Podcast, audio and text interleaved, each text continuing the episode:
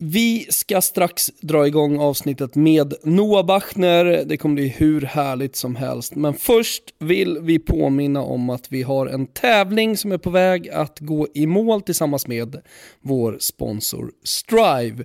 Ni ska helt enkelt gå in och motivera varför ni vill följa med mig och Gusten till San Sebastian och se Alexander Isak spela fotboll.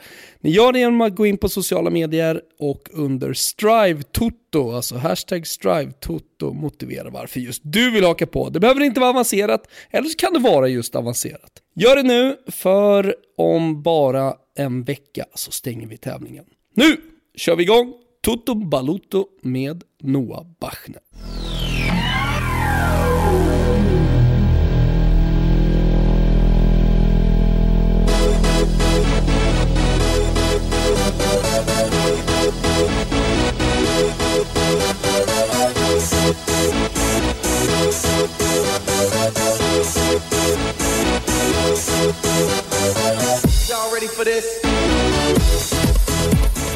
Då säger vi varmt välkomna till Toto Balotto. Vi säger dessutom varmt välkommen till en stående fjärdedel av eh, den legendariska Eurotalk-panelen.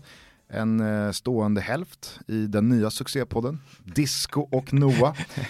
En eh, tredje alternativt fjärdedel av Premier League-podden Kick and Rush.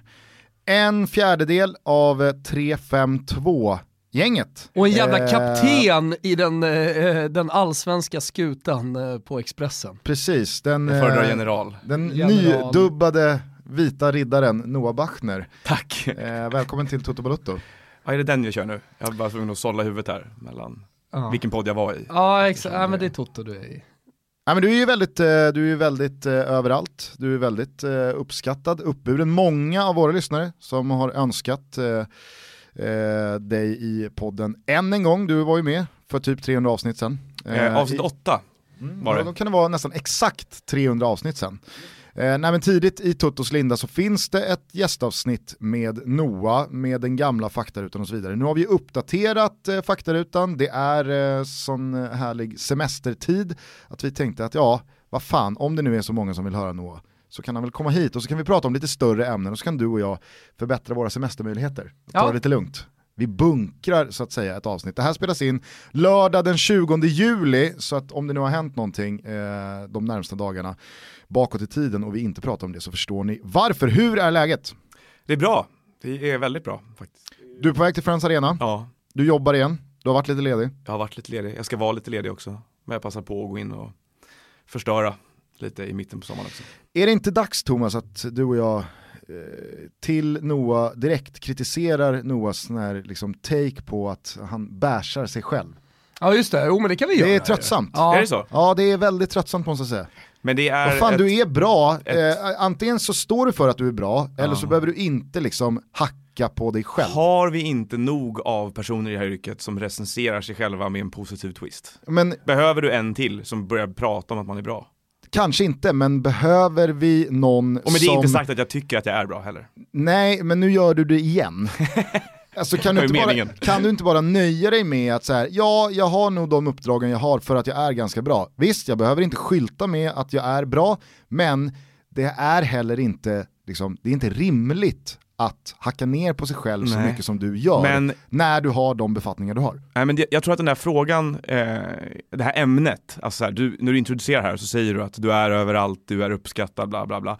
Det knyter sig i mig av den, den, när den frågan kommer och det gör det varje gång jag har varit med i en podd och fått, fått liknande beskrivningar. Kanske på samma sätt som det knyter sig i mig när jag, jag ser dig liksom pusha för ett avsnitt Eurotalk eller en krönika du har skrivit och du inleder med Ja, här har man dravlat eh, 4700 tecken igen. Det är säkert skitdåligt, läs på egen risk. Så grovt går jag väl inte åt ändå. Ibland. Men, äh, men jag tror att... Jag tror att eh, här sitter jag och sabbar stämningen igen ja, i en och en halv timme. Där, jag tror att den där inställningen dels grundar sig i eh, mycket självkritik och sen så är det också att jag är mätt på eh, självglorifieringen. För den är inte bara, det är inte bara bland sportjournalister, utan jag tycker generellt att eh, i sociala medier och sådär. Så jag tror, att, jag tror att vi är väldigt olika där. Mm. Jag tror att du, Du, inte du alls känner att det lika drabbad av det. Ja, eller tvärtom så vill jag inte sålla mig till det beteendet på något sätt. Jag tycker att det är, eh, det står mig upp i halsen många gånger. Ja, ja, men då kan det i alla fall vara nyttigt för dig att eh, i alla fall höra från ett håll Ja. att när du tar i för mycket i ditt självförakt Mm. så blir det som att det går varvet runt och att man då snarare ser igenom att Noah tycker att han är så jävla Mm. bra själv att han slår på lite extra. Och så liksom, så, så Jag, ser jag, man uppskattar, jag det. uppskattar eh, den här attackplanen väldigt mycket. Den var, Ja, den var bra. träffande. Ja, då ska jag säga så här, då är det ju Thomas som har mest problem med det här, det är inte jag. Det Thomas är väldigt defensiv Då får här väl du ta det istället. Nej, jag tycker Gustav gjorde det alldeles utmärkt där alltså. ja. Eh, men, eh, Nej, men det är bra, tack för feedbacken. Ja, eh, bra, då har vi det avstädat. Det, det har ju varit ett Men om jag ska börja med intensivt- varför det går så bra då, så är det ja, precis. Varför du är överallt. Nej men det är som sagt då eh, mittemellan lite semesterlunk, men det är allsvenskan, eh, det är eh, Europakval. Vad, vad, um, vad upptar ditt sinne nu förutom att Newcastle snart är igång och, Ja det har ju varit och tröska på i negativ bemärkelse? Ja, tyvärr förstör ju det det mesta. Det, jag trodde att jag hade kommit förbi det där på något sätt. Jag hörde att du pratade om det i något avsnitt nyligen här med Roma och vad du, att du inte längre reagerar lika starkt på när saker och ting skiter sig. Nej. Men, och det har jag nog övertalat mig själv om att så är det för mig också. Men sen så i sekunden egentligen som Rafa Benitez, verkar det som att Rafa Benitez inte skulle stanna så är det som att en dörr i hjärnan öppnas och utväller feber liksom när det gäller det här. Jag har varit extremt förbannad faktiskt i en månad. Men eh, de som eh, dels inte har koll på det så är ju Noah stor eh, Newcastle-supporter. Men den som heller kanske inte har stenkoll på situationen med Newcastle och ägaren Mike Ashley. Du får rätta mig om jag har fel. Min, liksom, min nerkokade eh, sammanfattning av Newcastles senaste säsonger är att Mike Ashley gör som han har gjort i flera års tid. Han eh, vill få ut så mycket deg som möjligt eh, till egen ficka av det där laget och den där klubben. Eh, satsar inte mot att eh, klättra i tabellen eller ens etablera sig i Premier League. Och när Rafa Benitez på sina bara knän upprepade presskonferenser i ja, typ ett och ett halvt år ber om att kan jag få någon spelare, ge mig bara någonting att jobba med. Till slut så, eh, så ruttnar han, han hamnar i någon konflikt så det är väl oklart, för mig var det oklart i alla fall, om han lämnade, Kontraktet gick ut. ja, men eh, om han ville ha ett nytt kontrakt. Eller Ja men det de- ville han, han trodde att de hade kommit överens om, om att eh, han skulle få mer befogenheter. Vad han, ville, vad han ville ha var ju mandat att fatta beslut som var i klubbens bästa intressen. Alltså han ville bygga fotbollslaget och det är ju Ashley helt ointresserad av. Så att egentligen så är det ju samma konflikt som har pågått i tio år. Det vill säga, han vill ju med minsta möjliga medel hålla Newcastle kvar i Premier League för att marknadsföra Sports Direct. Mm. Och alla som vill någonting annat måste flytta på sig. Och i och med att Rafa Benitez är typ den mest uppskattade tränaren på väldigt, väldigt länge i Newcastle och att han då fick lämna eh, så har det här blivit ytterligare då något känsligt. Ja, det blev väldigt symboliskt allting. Alltså i och med att han var så. Men den här försäljningen då, som, det var väl supernära? Ja, men det har det varit sju gånger nu och eh, egentligen så är det väl... Men den här gången var väl till och med du, Ja, jag minns ja. någon tweet så här, det här händer. Ja, ja, ja. Jag var nog där ett tag, men det var för att klubben själva gick ut och verifierade att de hade kommit överens om ett pris för försäljningen och sådär. Samtidigt så tar man två steg tillbaka och zoomar ut lite från sina, eh, sin, sin Twitter-feber där så är det är inte så jättemånga försäljningar av fotbollsklubbar som börjar med att det rapporteras lite om vad priset är och det rapporteras om att den ena köparen har sagt det här och det här säger den som säljer. Så det är inte så. Utan det är oftast ganska ur det blå att det annonseras till marknaden, alltså till aktiemarknaden. Att, att ja, nu är det den här klubben köpt. Mm. Så att, och det där har varit problemet med Ashley varje gång att varje gång han ska fatta ett obekvämt beslut eller det är stora protester så feedar han ut information om att försäljning av klubben är väldigt nära så att folk ska känna att okej, då håller vi inte på och bråkar så mycket nu utan då låter vi det vara. Eh, och här behövde han ju en lång period av förberedelse för att Rafa skulle försvinna för att han ville ju absolut inte ha kvar honom. Och då var det väl egentligen ganska logiskt från hans sida att redan sedan förra året, för förra året börja prata om att klubben är till försäljning och nu är de här nära och nu är de här nära. Och i maj då, en månad innan Rafa faktiskt lämnade, så hette det om att nu var en försäljning av klubben klar mer eller mindre. Det var, ja, och sen så har det ebbat ut i ingenting. Det sista som hände var att en, en eh, Dubai-baserad radiohost som håller någon sorts morning talkshow där nere, där han spelar musik och är från Newcastle. Han släppte på Twitter ett statement av den här köpargruppen för två veckor sedan där de sa att ja, vi hoppas fortfarande att det blir av, men om det inte blir det, då är det inte för att Mike Ashley har varit problematisk för oss alls. Och då känner man bara att man har hört allting förut och sen försvinner Rafa. Och eh, nu eh, mot slutet här då, så är Steve Bruce ny tränare. Ja, Eh, hur kan valet falla på en så pissig aktie? Ja men samma logik som att Steve McLaren fick jobbet, typ, eller att eh, Alan Pardew fick det. det är, eh, ha, ska du inte ha Rafa och någon som håller på och ställer massa krav, då ska du ju ha någon som är, står i evig tacksamhetsskuld för att man får jobba i Premier League. Mm. Och det var väl, jag tror att, jag hittade ju en tweet från mig själv från förra sommaren också där med när Bruce fick gå från Aston Villa. Jag, skrev, jag fick just sms av mig själv från nästa sommar. Välkommen till Newcastle Steve Bruce. Så det var ju väldigt lätt att förutspå. Ser man inte framför sig hur Steve Bruce får sparken eh, strax efter jul och att Mark Hughes rider in i mitten på januari? Ja, det är väl hård kamp mellan honom och Alex McLeish tror jag. Som jag ser det framför mig. Ja men det, det roliga är att nu skrattar vi, men så kommer det ju att Ja, bli. absolut. Liksom. absolut. Nej, men, eh, som lök på den här laxen så är det alltså inga nyförvärv in, man har släppt Jose Perez till Leicester Mm. och Solomon Rondon eh, har lämnat, alltså han tillhörde väl aldrig Ja, såklart för. Rafas klubb i Kina också. Rafas Ja. nya klubb i Kina. Så de står där borta och ler och hade kunnat hanka sig kvar i Premier League, men nu ska de vinna ligan med Dailan Yingfang istället. När ni hör det här så är det ju typ två veckor kvar till Premier League-säsongen, men eh, är det någonting som talar för att Newcastle inte åker ur? För att det var väl Rafa Benitez, Ja, Ja, och Rondon var ju liksom Ja. Ja, nyckelspelaren att- som ändå gjorde lite skillnad i offensiven. Tillsammans med Perez. Nej men jag tror, att, jag tror att vad de har gjort är att de förstår ju inte hur det här funkar riktigt. Och de förstår inte hur, hur viktig Rafa var för att de hängde kvar, för den här truppen är inte så bra egentligen. Så att nej, det är inte så mycket som eh, talar för att Newcastle hänger kvar, nästan ingenting. Även om de nu verkar skicka ut pengar på Joel Linton från Hoffenheim och sådär. Det som jag kommer fram till är att jag skiter i om det är någonting som talar för att de hänger kvar. Jag, jag, I år är det liksom på, det, på den har kommit till den punkten, som det var under, under Allen Party också, att jag, för mig, de får gärna förlora varenda match. Alltså det, det låter väldigt drastiskt, men men fi- finns det någon del av det också som eh, kan känna så här, men fan, det är lika bra att det går åt helvete, åt helvete på riktigt och druttar ner liksom ur Championship, alltså eh, försvinner. För då, Ja, alltså, då, det- då försvinner ju också hans möjligheter att eh, marknadsföra sina företag. Ja exakt, exakt. Och det så skulle väl skada honom mest av allt och det är största chansen att få bort honom. Så att ja, det, den sannolikheten har jag förespråkar Men han är tillräckligt smart för att se till att liksom ändå Ja. vara i toppen av Ge Championship. ut. sken av lagom ambition. Ja. Liksom. Och, och blir det för mycket framgång då kan man sälja av lite och se om det funkar. Så han har ju gamblat på att hänga kvar flera gånger också bara för att, av det, av det skälet. Men ja, samtidigt det, är ju Championship ändå en hyfsad krockkudde att landa på. Mm. Och det har att, gjort två gånger. att åka ur Championship, nålsögat att på något sätt hitta tillbaka till Premier League och vara nere och vända i League One, det är inte många klubbar som har lyckats med. Nej tvärtom, du har ju Sunderland kvar där nu Ja. som inte tog sig Fan vad upp, så fint att de inte tog sig upp ändå, när alla älskade Sunderland. Det ligger i efter- deras natur känns det som. Nej men titta, alltså så här, kolla på ett lag som eh, Aston Villa. Mm. De rasade ur Premier League för att man sportsligt förtjänade det. Men det var heller aldrig nära att man åkte hela vägen och tog hissen ner i League One.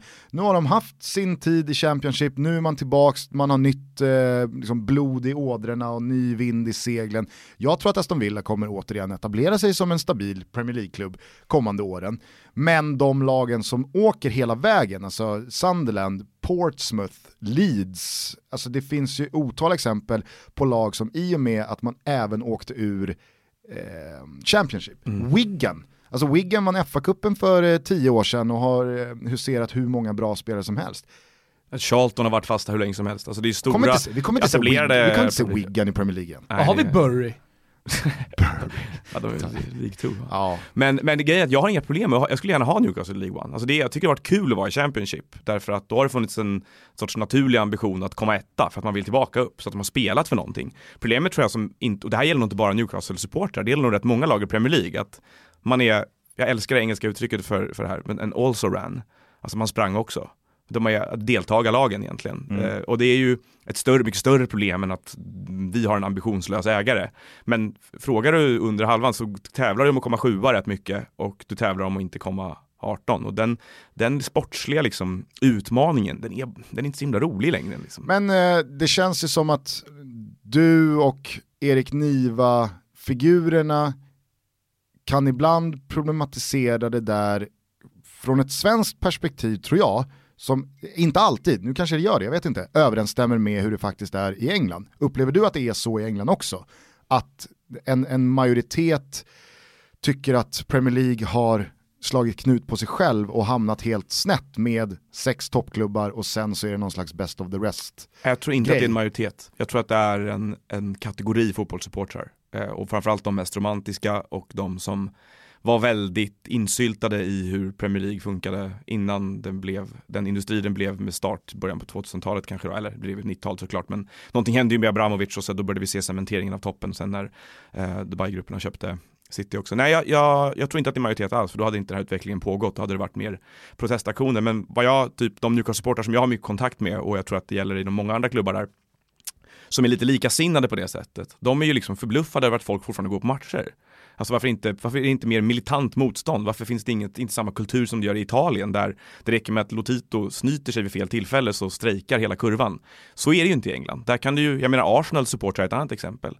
De har ju hållit på med samma maskerade ambitionslöshet i flera år nu och låtsas att de inte har råd eller att pengar inte riktigt finns det ena eller andra och de gör, fattar beslut som helt enkelt liksom hakar loss dem från möjligheten att vinna ligan men är perfekt för att komma sexa, femma, fyra, för att ge sken av att ha ambition, för att ligga ungefär där de behöver ligga för att göra samma vinster. Jag skulle säga att det som händer i Manchester United nu, det börjar liksom angränsa till samma typ av bedräglig inkompetens. Är det verkligen bara att de är dåliga? Hade de haft ambitionen att flytta sig framåt strategiskt, då hade ju Woodward inte varit kvar vid det här laget, för det är så uppenbart. Men det, det, så det finns ju fler exempel på det här. Men det jag inte fattar med England och det som gör att jag inte tror att det gäller en majoritet, det är att de flesta önskar inte ha det på något annat sätt. De tycker att liksom, Premier League är en produkt, en underhållningsprodukt som det går att titta på. Och Newcastle är väldigt öppna med att de marknadsför det på det sättet. De är stolta över att erbjuda vad de kallar för affordable football.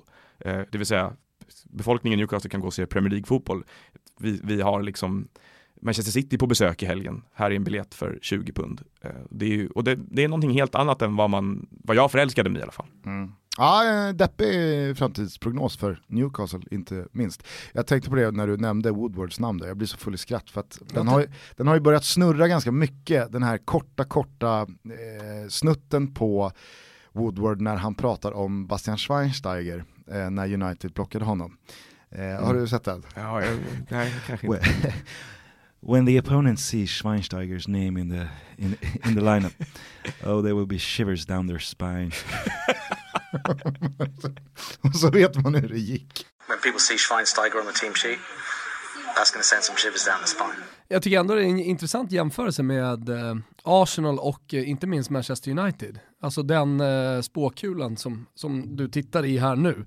Att eh, det, det, kanske faktiskt är en uppjackad version av, av, Newcastle. Vi ser absolut i Arsenal, och, men att det är på väg också, eller vi, vi lever i det med Manchester United med. Ja men jag undrar om man inte måste börja tänka på det på det sättet. För du vinner inga titlar så i alla fall. Alltså det, det är som du säger, visst du, du kan ta det till Champions League, Champions League mm. och, och, och, du kan ha stora spelare, Pogba eller vem det nu är.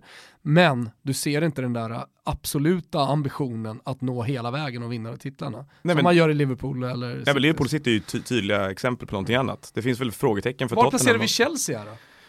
Bra fråga. De är ju så snurriga där. Det känns svårt att... Jag, samtidigt så liksom ser jag inte att de har haft samma kommersiella kompass som Manchester United har haft till exempel. Eller att det är så tydligt att ägarintressena i Krankes fall och i Arsenal är, är av, de, av den karaktären. För att Abramovic när han kom in så hans ursprungliga plan för Chelsea var ju att vinna saker. Mm. Eh, han skulle ha ett så bra fotbollslag på planen som möjligt. Och den, den ambitionen tror jag inte att han har avtagit. Det är kanske att han har tappat lite intresse snarare. Och sånt där. Och att det har gjort att han har placerat människor på viktiga poster som inte är så himla kunniga.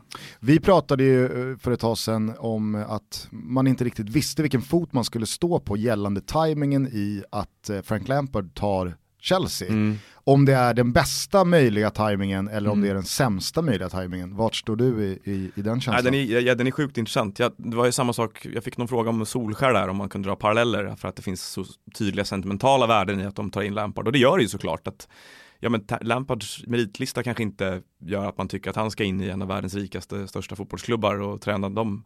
Samtidigt så är det ett speciellt läge för Chelsea med det här transferförbudet. De har också ett sorts underförstått krav från sina egna supportrar och, och, mycket medial press upplever jag att de ska använda sina unga engelska spelare mycket mer och då var det rätt naturligt för en tränare som Lampard, han, vad har han för val? Alltså han, han måste lita på dem egentligen i det här läget och att det gifter sig ganska bra, att det är ett, liksom, ett Chelsea med lite andra förutsättningar. Så jag, jag är jättekluven. På ett sätt så tror jag att ska han ta Chelsea och ska han ta Chelsea inom de närmaste tio åren så var det väl nu kanske. Mm. Men han skulle ju kunna slita upp Derby på riktigt i Premier League och etablera sig på övre halvan, då ska man tycka att okej, okay, här har vi en prestation som meriterar jobbet lite bättre. Ja, samtidigt som, alltså, som du är inne på, han, han, han tar ju Chelsea i ett läge där han har brasklappen gratis. Ja. I och med det här transferförbudet, eh, Hazard har precis lämnat, alltså ingen skulle ju hänga Frank Lampard om Chelsea blir sexa den här säsongen. Nej det kommer ju nog ingen göra, framförallt inte, det har väl att göra med hur fotbollen ser ut också. Men nej, det, det, jag håller helt med dig. Sen är ju den stora skillnaden mot Solskjaer om man ska jämföra de två, där båda, man kan tycka båda är sentimentala val, att jag tycker att Lampards säsong med Derby där han ändå tog dem till kvalfinal för att gå upp till Premier League. Eller som var- jag sa förra avsnittet, hela vägen till Premier League. Ja, visst. Ja. Gustav reagerade inte. Den gick ut i Nej, men vet, etern. vet, vet du varför jag tror Kim inte... reagerade inte, Vet du det gick rätt ut va? Vet du varför jag tror att jag inte reagerade? Jävla okunniga i den här Vet, podden. vet du varför jag tror att jag inte reagerade? Det var för att de firade som att de hade gått upp Ja, i Premier. League när de hade slagit ut Leeds. Jag blev oerhört provocerad över hur hårt de firade. de var alldeles för glada, jag håller med. Och jag checkade lite ut alltså, från... De sprutade champagne. Ja, ja. Jag, jag undrar om det var okunnighet också, att de kanske trodde att de var klara. Någon sån här superettan-grej, två lag Ja. upp. nu möts vi bara i en, eh, liksom, nu har vi kul på Wembley i, i 90 minuter. Ja, nej, jag, jag, jag, jag vet, men ibland slår jag dövörat till Ja, när du Jo, pratar, precis som så- du gör när jag pratar. Jajamän. Ska vi bara ta den grejen innan vi låter Noah svara på lite nya eh, frågor i den uppdaterade faktarutan. Angående Ole Gunnar Solskjaer, det var ju, det var ju får vi säga, en, eh, en, episk, eh, en episk match du gick med framförallt då norrmän Ja, i vintras. När du var ganska kritisk till Manchester Uniteds val av Ole Gunnar Solskjaer. Eh, du fokuserade väl främst på att den stora anledningen till att de valde honom var för att han inom citationstecken kan klubben. Ja, Och att det är lite för lite att gå på när det handlar om Manchester United med så mycket kvar att spela om eh, på en så stor scen. Att ta en tränare som har kört ner Cardiff i Championship och eh, vunnit en ligatitel med Molde. Ja. Eh, att det, det, det är lite för sentimentalt för att vara på den här nivån. Eh, sen så följde ju, var det 11 raka? Ja, Något, sånt. va? Eh, och man slår ut PSG och började du vackla någon gång att eh, liksom, började du formulera en pudel? Eller Nej. kände du ändå att det här, Men jag, jag, vet, började ju röra mig tillbaka med revolven mot hölstret. Lite. Men när, när, när pikade det så att säga? Var det, var det typ Hetsen. matchen? Ja precis, var det PSG? eller var PSG, det, för, för att jag gick nog hårt efter PSG för mig och sa att det här var det sämsta möjliga tänkbara händelsen för United. För nu kommer de lura sig själva att han faktiskt ska ha jobbet. Mm. Ja, Vilket det- de gjorde, och sen fick du rätt till slut. Vi Ja, det sa det i jag podden i väl, ja. våras också, alltså, satan vad han mår nu, eh, Noah. Jo men alltså, så här, det, alltså det bästa som kunde hända Bachner var ju när Gary Neville väldigt oprofessionellt Ja. i, det, alltså i intervjun direkt efter de har slagit ut PSG säger till Ole Gunnar typ tre frågor. Ole Gunnar, I've three very quick questions for you. How long would you like on your contract? what would your salary like to be? And where would you like the statue? Alltså det är så här, det finns ju ingen återvändo Nej. för Manchester United Nej, det var ju, de blev inboxade De måste ge honom kontraktet ju- där och då. Men då, precis som i december, så fanns det ju väldigt många olika typer av utgångar på säsongen.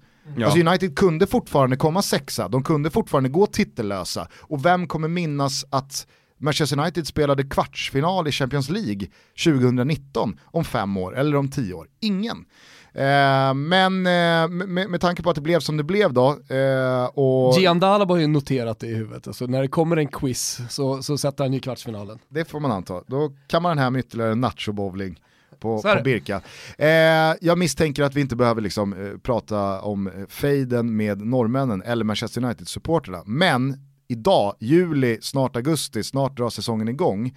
Manchester United har plockat in Aron van Bissaka, eh, det, det gick också ut i något av de senaste avsnitten att United har inte gjort någonting förutom att ta den där. Man vet inte om han heter Jones eller James Daniel James heter han. från Swansea. Men då hade de ju såklart också köpt eh, Aron van Bissaka. De kan ju ha gjort någonting mer när ni hör det här. Eh, men med det sagt då, alltså Manchester United, Ole Gunnar Solskär, vad är de på väg in i för säsong? Varf- varför, varför visar de inte mer ambition att ändra på maktordningen? För att samma personer är kvar i ledningen. Alltså det är ju fortfarande det är samma person som fattar beslut nu som anställde honom. Det är, det är Woodward och det, men det hela... hela Fast för varje säsong som går, även med en sån ledning, så Mm. borde väl förändringen komma närmare även men- för dem. Ja men det gör den väl För de är ju med om samma misslyckande Om och om igen. som supporten också ser. Ja, jag undrar om inte när Solskär får gå, vilket jag är tämligen övertygad om att han får göra under den här säsongen. För att dels är den här, alltså han har, nu, truppen är ju inte speciellt rolig till att börja med. Och, men när man tittar på hela sammansättningen med honom, med det som urartade under våren med vad han säger, med vad som sägs om laget. Det, det, de som har riktigt bra koll på United, bland annat Mark Ogden och de här som skriver för E ESPN, de redogör ju för liksom ganska stor skepsis internt mot hur saker och ting sköts och du har de mest betydande spelarna med störst löneposter som typ vill bort. Det är, ja, det är så många beståndsdelar här som känns så osäkra och en hel sommar som nu har tillbringats åt att jaga Harry Maguire. Det, och det, det, bara det är helt bisarrt. Alltså det är ju, okej om han inte finns så finns det 20 mittbackar som är bättre på kontinenten. Köp en av dem istället om det är det ni vill ha. Ehm, och hel del... Framförallt så har det blivit, det har ju blivit löjligt när Juventus parallellt har femårsinvesterat i Mattis de Ligt. Ja, men för vad, 30 jag menar- miljoner euro mindre. Objektivt sett så är det ju fullständigt obegripligt att United inte skulle vinna kampen om honom. Alltså om, mot Juventus heller. De har mer pengar och de, ja. Så att, eh, nej men det, det är väl, jag tror att när Solskjaer får gå så blir det omöjligt på något sätt för dem att hantera missnöjet med Woodward också. Därför att det kommer ju bli slutklämmen på, på hans eh, tid där lite grann. Jag tror också att Manchester United rent truppmässigt är på väg in i en period där också det här går inte att lösa längre med en mittback, en mittfältare och en anfallare. Tittar man igenom truppen, alltså det, det, är, det, är så, det är så stora hål, det är så stora kvalitetsskillnader nu- jämfört med City, jämfört med Liverpool, Men jämfört med märkligt det här med Lukaku till Inter viss- också. Alltså, släpper honom, vad, vad ska de ta in då? Vi, vi pratade i senaste avsnittet om eh, Icardi, ja det vore jättebra. Gör ett, liksom, ta, ta in honom, han, han ligger i Comosjön och, och chillar liksom Mm. och garanterar 20 mål. Eh, Men, men, det Gareth pratas Bale, liksom inte. Men Lukaku kan Neymar. göra 20 mål också. Det är, liksom, Absolut, det är inte det som är absolut. problemet för dem, utan jag tycker problem, du tar Liverpool och, och Manchester City framförallt som exempel, men även Tottenham. Så de tre lagen har ju en gemensam nämnare och det är att de under nu flera år har varit, haft en väldigt tydlig röd tråd i all rekrytering och tränaren och hur de ska spela. Och i Manchester United så finns det, jag hör aldrig någon prata om hur de vill spela från sportsledningshåll. De har ju fortfarande ingen sportchef. Alltså de pratar om att ge den rollen till Rio Ferdinand eller till, ja, vad är det, Ryan Giggs eller Sir Alex Always kanske at the wheel. Ja, men, ja, men det, Det var ju också ett lågvattenmärke. Ja, ja, När Rio Ferdinand som expert i, är det Sky? Ja det är det? Kör bara liksom, hur förklarar du det här? All is at the wheel. Så- så- Nej, men det, nej, men det, och på ett sätt så är det typ en rätt sanningsenlig ögonblicksbild av vad de håller på med. Men, det, men då, då blir det lite grann som jag ser att, så här, att okej, då, då kan du prata om att en mittback bara så löser, så tätar vi till defensiven, bla bla. De andra klubbarna har ju rekryterat i flera år trupper väldigt, väldigt liksom för för rätt spelare, för rätt positioner, för rätt spelsystem. Det är inte så att United inte har kunnat köpa Mané eller Salah eller Wijnaldum från oss när vi åkte ur, men de var ju perfekta för det de skulle göra i Liverpool. Ja, och det var så tydligt att Liverpool, de identifierade, nu är vi två brickor ifrån att ha ett lag som är Ja. bäst i Europa. Ja. Vi behöver en riktigt, riktigt bra mittback, vi behöver en världsmålvakt. Det är det vi är ifrån nu. Och man, alltså så här, när, när de plockade in Alisson i, i förra sommaren så såg man ju på deras trupp och tänkte, ja det är ju komplett. Nu saknas det ju ingenting här. Nej, det där Ja, systemet och det är helt ser man nu i perfekt. sommar också, alltså, Ja. nu har de inte varvat speciellt mycket. Men varför måste de göra det? Nej, jag, Det jag är menar liksom- det, alltså, det är- jag menar, nu, nu har de ju kommit dit och har sin demon. Och detsamma gäller ju City som också ligger lågt liksom. Ja, ja. Spurs, men Spurs har ju varit väldigt sådär, det har, finns väl andra skäl också, men jag tycker samma sak där, att det har ju inte kommit in så många spelare som det inte har funnits en plan för.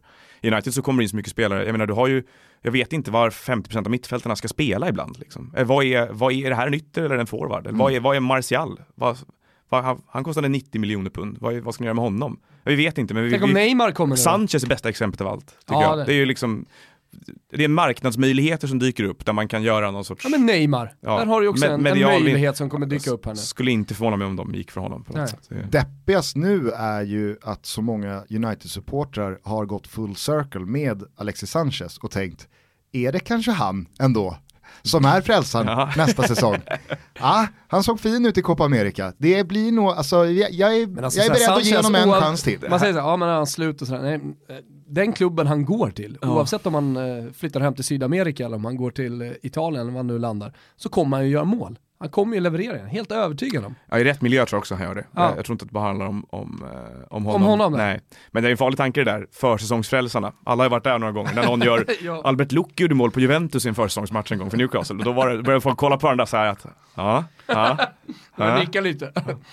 Ja, det finns ju ett par klassiska försäsongs eh, i, i, i Sverige också. Alltså man har flugit i, i kuppen eller i, i eh, träningsmatcherna. Sen har det inte blivit speciellt mycket. Mervan, Celiks 10 mål för Häcken i cupen i år. Ja Han just det, jävlar. lämnade. bröt nu, ja. ja. han lämnade nu. För någon vecka sedan ja. Eh, och sen så har du ju eh, fjolårets eh, succé med Guys Att, Ja just det. eh, Bosko Bos- höga press. Ja, och att Bosko, eh, han pratade väl om Champions League för guys inom, var det tio år eller åtta år? Så Eller? jävla farligt att börja prata Ja, om... var- eh, om Nu är Bosko också sparkad. Ja. Det var Eh, ju som Andrea Doria som skulle ta sig till Champions League också. Alltså, det är farligt att, att nämna de inte där? ordet. Nej, det. de är inte där än. Det får väl Jonas Dahlqvist fortfarande hacka i sig när han Hammarby. eh, slog fast, eh, när Nanne tog upp Bayern va? Ja. Eller var det kanske första säsongen i allsvenskan med Nanne? Att eh, Hammarby kommer att spela Champions League om fem år. Jag tror att han förnyade det löftet nu. Alltså han förlängde löftet med fem år. Ja, men fem år till. Ja.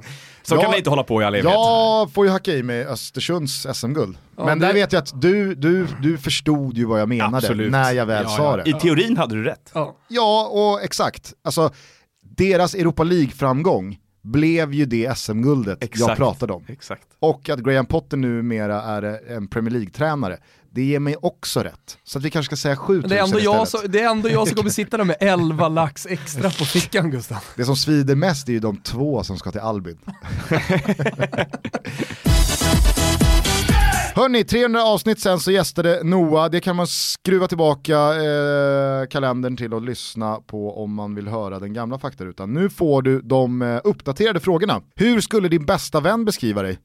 Vi är väldigt bra på att beskriva vad vi inte är. Till exempel får jag ofta höra att jag inte är en sommarkille på sommaren. Eh, att jag inte passar på sommaren. Att jag är blek och Ointresserad av att ligga i en solstol. svårt att koppla av på i, liksom, eh, publika uttryck, på stränder. Alltså, så här, jag, det finns klassiker när vi var i Indien en gång och skulle liksom chilla. Det är ju det mest chillade liksom, läget man kan vara Så i. jävla givet att du har varit i Indien. Ja, det var ju, och jag är verkligen inte en Indien-kille heller då. Eh, men jag var helt, helt liksom spattig av att det var herrelösa hundar som sprang runt på stranden. Och så var det något jätte, något väldigt avslappnat par som låg brev, bredvid mig och min tjej där då. Och de, de, eh, de skulle gå, bad oss kolla deras grejer och skulle gå iväg och göra någonting. Och då sprang de här herrelösa hundarna över deras handdukar under tiden de var borta. Så när de kom tillbaka då är jag, jag står upp för att jag är så liksom skräckslagen av att de här hundarna har varit på deras handdukar och bara guys, the dogs just ran over your towels. Och de hade aldrig hört något mindre dramatiskt i hela sitt liv. Liksom. Bara, det förstår jag. Eh, Det, och det, det blir en sån där neurotisk läggning som gör att jag inte, nej men så att jag, jag är När ingen du sommarkille. semestrade nu för, för någon vecka sedan så, så besteg du ett berg. Ja det gjorde jag, det var out of character också. Men det, sån har jag blivit lite mer kanske. Jag skulle nog beskriva, de, skulle, de skulle nog beskriva mig som, som eh, eh, pratig och inte en sommarkille. Mm. Ja, Jag tycker det säger mer om det än vad du kanske tror själv. Mm.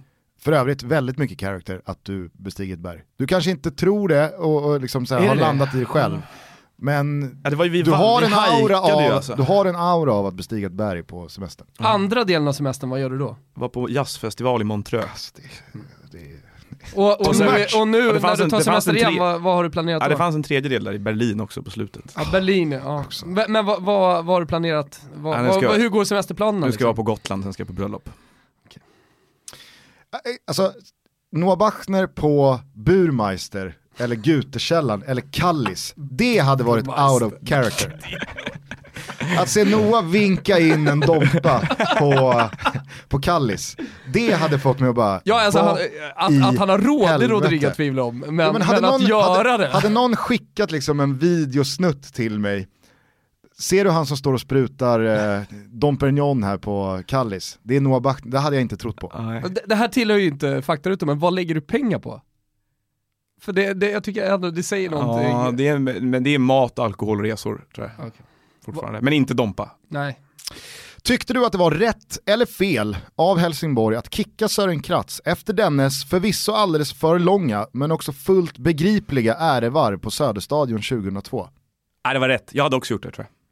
Ja, vi landade ju i att eh, det är rätt. Nej men så kan man inte hålla på. Det finns ju, alltså även om han är jätteglad så får han ju finna sig i situationen lite. Lägga lite band på sig själv. Mm.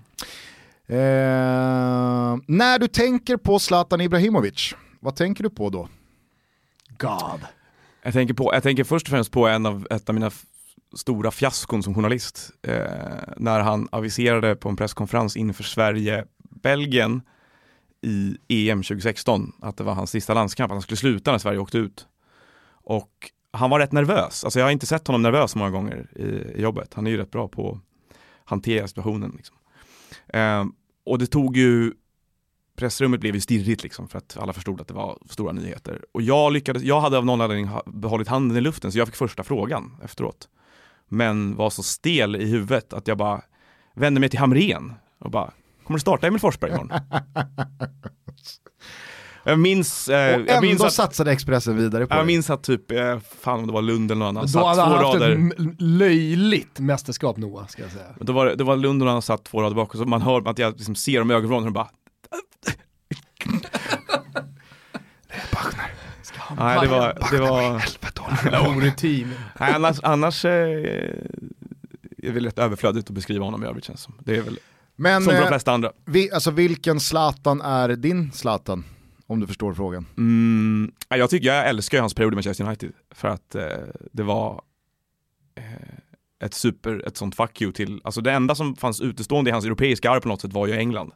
Eh, att, de, att de behöll alla tvivel om honom där och det hade ju med massa andra saker än honom att göra för att de var så inåtblickande ofta. Men, skulle du säga att han hann åtgärda den missuppfattningen? Ja det gjorde han, det gjorde han. Han gjorde, fan, gjorde han 28 mål på 40 matcher va, tror jag. Jo, samtidigt så vart det ju lite utspritt över två säsonger. Det var inte Champions League, det var Europa Nej. League. Skadan kom, han var inte med och lyfte Europa League-bucklan. Men jag, jag bevakade honom där då i tre månader och man såg hur trollbundna folk var av honom. Så tyckte jag att jag, jag fick känslan av att han hade liksom vunnit över sina belackare. Det var efter ligacupfinalen mot Southampton så kommer jag ihåg att det stod liksom en hop på 30 reportrar runt honom i, i mixade medan liksom varenda andra spelare i United bara gick bakom och garvade och Zlatan höll hov i 12 minuter och liksom det var, det var som en sorts eh, han har ju haft den där förmågan hela sin karriär känns det som att göra, göra även journalister till sina supportrar lite grann på något sätt. Och det, det var väl en, den, ett sånt intryck där, men även hur det pratades om honom runt omkring och sådär. Det- Nej, jag, jag, England är min, min favoritperiod med Zlatan. Förstår du hans regeln? Nej, inte, jag tror inte på någon som påstår att de gör det heller. Inte jag heller. Eh, Martin Skertel eller Martin Skrtjal? Skertel. För eller emot pyroteknik? För, eh, för bengaliska eldar mot bangers jag. Vi är ju pro-bangers. Nästan mest. Mm. Ja, mer ba- bangers skulle behövas. Det behövs lite, lite kaos. Hörde du vårt eh, avsnitt med Tobias Hysén Nej, för någon månad sedan? nej. Han dålig hade stämning? otroligt svårt att landa i om han var för eller emot pyroteknik. Jaha. Så När du är lite ambivalent här. Nej, alltså egentligen inte. Blir det tillåtet så kör. Men nu när det inte är det så, så tycker jag att man får hålla sig inom, inom lagens gränser. Liksom. Så du är emot pyroteknik? Nej, det sa jag inte heller utan... eh, Du är jag, för pyroteknik? Nej, det sa jag inte heller. I din roll, nu jobbar ju du väldigt mycket med allsvenskan, till skillnad från Thomas. Jag eh, jobbar ju med allsvenskan liksom på, på det sättet jag vill jobba med allsvenskan eh, och i mycket mindre skala. Men är pyroteknik någonting man i din roll gärna undviker för att man vet att det kommer med en sån jävla storm av åsikter och att man ger sig in i någonting som man inte har energi till. I början så var det nog ett ämne som jag helst inte pratade eller skrev om överhuvudtaget just av det skälet. Men jag tror med tiden så har jag förstått att om man ska bevaka svensk fotboll så måste man finna sig i att bevaka det där också. Och det, för det är återkommande slagfältet för frågor som egentligen handlar om helt andra saker. I min, I min värld så handlar det mycket mer om hur svensk fotboll ska utvecklas i stort. Och det, jag, jag skulle inte gå under om pyroteknik försvann från svenska läktare, det är, inte, det är inte på det sättet. Det är bara snarare att jag förstår symbolvärdet i det och vad det är, vad det är projektionsplattform för. Och sen så då tror jag för egen del då, om man är skraj för att skriva om det, så då kan du aldrig liksom ge dig in i eller bevaka en så tydlig kärnfråga för svensk fotboll. För det kommer vara det en lång period framöver och jag tror att mm, jag tror, att, jag tror att man gör sig själv en otjänst som journalist. Det är nästan, nästan lite oansvarigt att undvika det, nästan lite oansvarigt att ducka det tycker jag.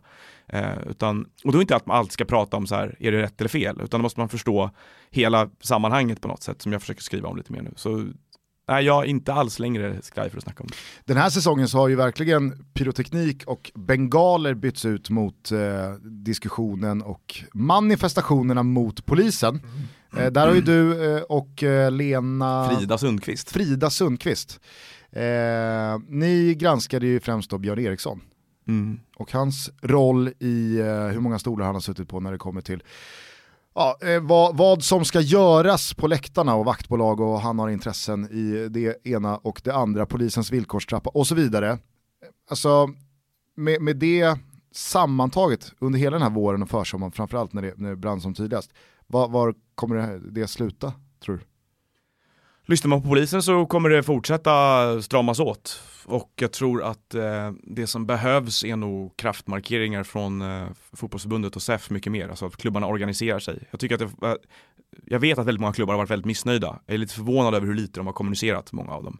Eh, det är omöjligt att säga var det slutar. Det jag, det jag väntar mig av det där är att eh, det kommer bli ännu stramare åtgärder. Det kommer bli... På vilket sätt tror du? Nej, då, vad som står i, i liksom villkorsskrivningen är ju att till slut så är det ingen på stå på kortsidan. Alltså till slut är den stängd. Och det var ju ett exempel med, som jag tror att eh, Fotboll Stockholm skrev om med Djurgården här, där de skulle ha fick reducerad ståplats till, ja, vad, vad jag fick höra var 900 pers eller sånt där tror jag. Ska vi få på Stockholm nu? Jag tror att Omöjligt. de, eh, eller gjorde de det kanske inte. Miss, sjukt att de missade den. Eh, nej men de, eh, och då var, eh, då var diskussionerna med polisen så s- har jag hört att, att det förekom då att ja, men stäng, stäng hela skiten istället. Liksom. Och att man är och nuddar vid den, eh, vid den konsekvensen, det tror jag är, eh, det kommer bli mer av det i höst. Och eh, jag tänker också lättare för polisen att, att liksom ta de besluten. Jag tror när man, har, när man lite har tagit oskulden på liksom ett sånt Ja. beslut så, så kanske det kommer dugga tätt. Men vad, vad räcker det med för att man ska reducera ner en ståplats? Bra fråga. Jag tror att, jag tror att de har en vision, en sorts nollvision om pyrotekniken, men den, är, den i sig är ju fullständigt orealistisk. Alltså jag, det, som har sagts tusen gånger här, det sista som kommer försvinna är bengaler. Alltså det är det sista som, det kommer, någon kommer ta in en I och med bengal. att det är så symboliskt som du sa innan också, ja, starkt. det är ju det det handlar om. Men eh, jag, jag, är, jag är rädd för och tror att eh, de kommer närma sig eh, tom, tomma ståplatsläktare under hösten. Med, med um, dina tentakler ute, både bland eh, de som granskas, de man eh, pratar med, de man införskaffar fakta från. Vad har protestaktionerna, vad har det lett till? Vad har de landat i? Alltså, är, är det på något sätt så att de här tysta 10 minuterna, tysta 20 minuterna, t-shirtarna som eh, spelarna går ut till, eh, alltså det som klubbarna kommunicerar, biter det på något sätt? Gör det någon skillnad eller sitter polisen bara och skrattar åt att det är tyst i 20 minuter på Tele2? Det, det jag vet att polisen har reagerat på det är att motståndet har varit så unisont från klubbar och supportrar. Eh, att det har varit, de var inte beredda på att det skulle bli en sån reaktion. De var heller inte beredda på, tror jag, och det är väl skillnaden den här gången gentemot tidigare konflikter av liknande slag, att supporterrörelsen skulle vara så pass välformulerad och samlad och ha en sån intellektuell höjd i sina resonemang. För jag tror att det är någonting nytt. Det är inte så att supporterrörelsen tidigare har ju företrätts av just budskap på läktare mer eller mindre, eller en insändare i en tidning. Men med sociala medier och andra plattformar och podcasts och allt möjligt så har vi plötsligt en debatt om de här sakerna som förekommer på en helt annan nivå. Och det, det har de inte varit beredda på tror jag och där har de tagits lite på bar gärning. Det som har hänt på läktarna och med de här protestaktionerna och så vidare, det gör ju de som vill använda argumentet att det här är vad de flesta vill. De har ju lite svårare att, att nå fram med det därför att när en hel, hela Friends är tyst i 20 minuter av ett derby, 10 minuter av ett derby, vad var det? 20? Friends var väl 10 av derbyt va? Ja, så kanske det var. Men då är det ju fortfarande rätt svårt att, att försöka framställa det som att varenda kotta här inne vill bli av med bengalerna till varje pris, för det är inte riktigt det. Nej och så som, eh, vad heter de, ROG-gruppen debuterade runt Tele2, det kändes ju inte heller som att det var representativt för hur majoriteten vill Där att fick de snuten ska också- agera runt Nej, fotbollsmatcher. Och där, där var det intern kritik också ju. Ja, Det var ju ganska, poliser ganska som- väl eh, dokumenterat att Mm. det fanns eh, frågetecken för, eh, för de poliserna. Och då, det är väl här någonstans och samma sak med den här domen som inte kom i veckan när det gällde den här nedlagda förundersökningen då mot de här poliserna som slog med batongen mot den här supporten.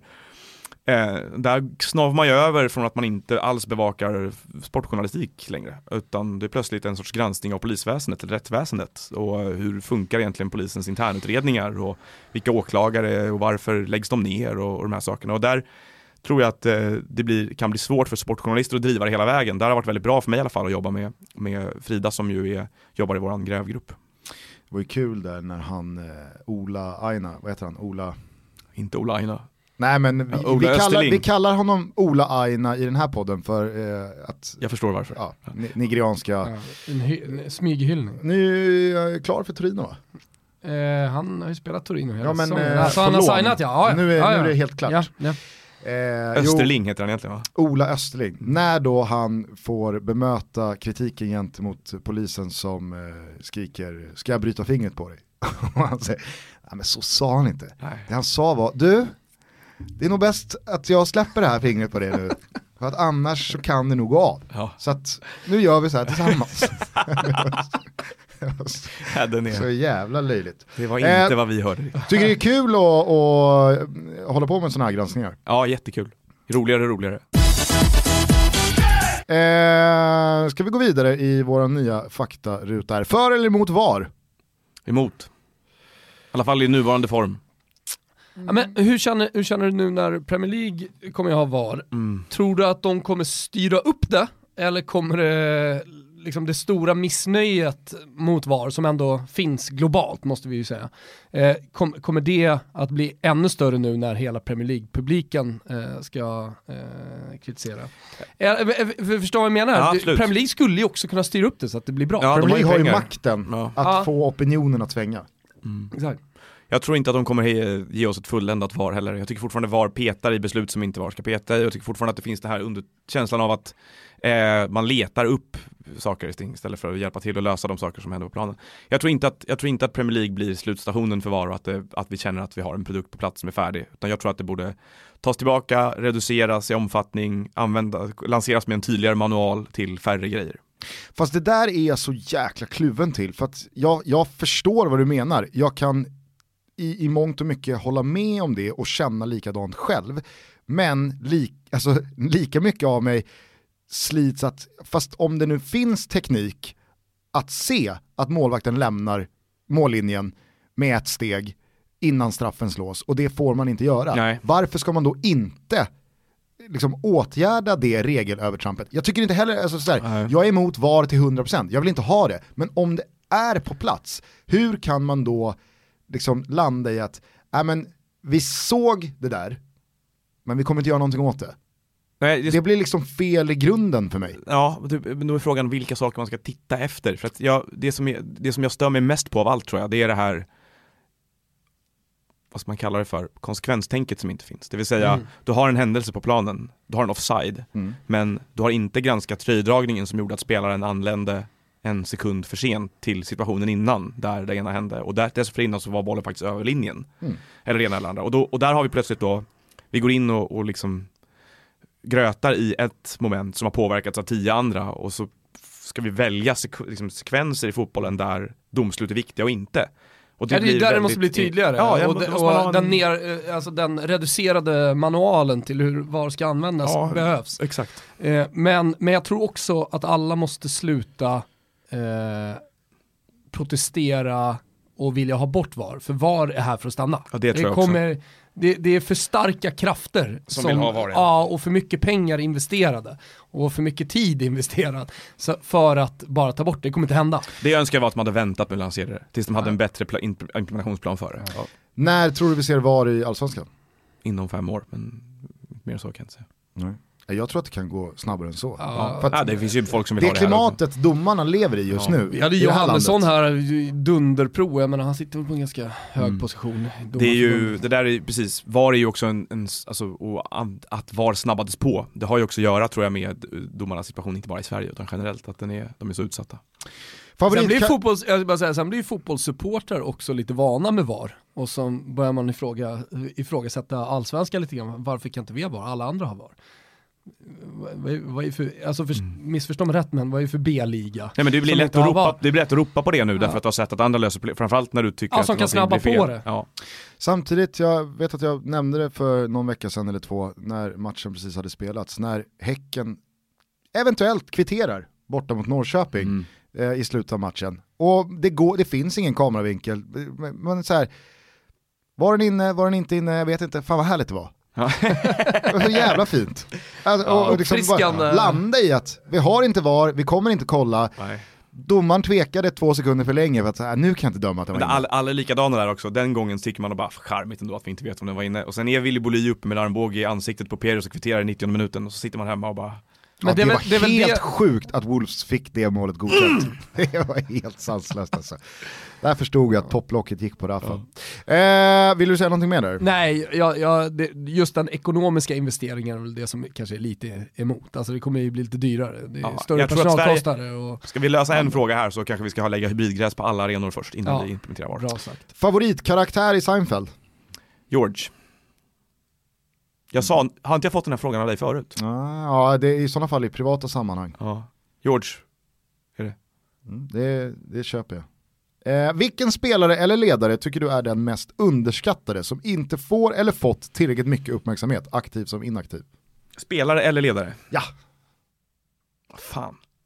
Här har ju du eh, tidigt varit på, eh, skrev uppskattat och långt om Potter i Östersund. Mm. Han har Eh, fått mycket uppskattning nu. Vad sa du? Han har fått mycket uppskattning va? Ja, nu, ja, absolut, absolut, men du var tidigt på där. Mm. Ehm, Poja, Mm.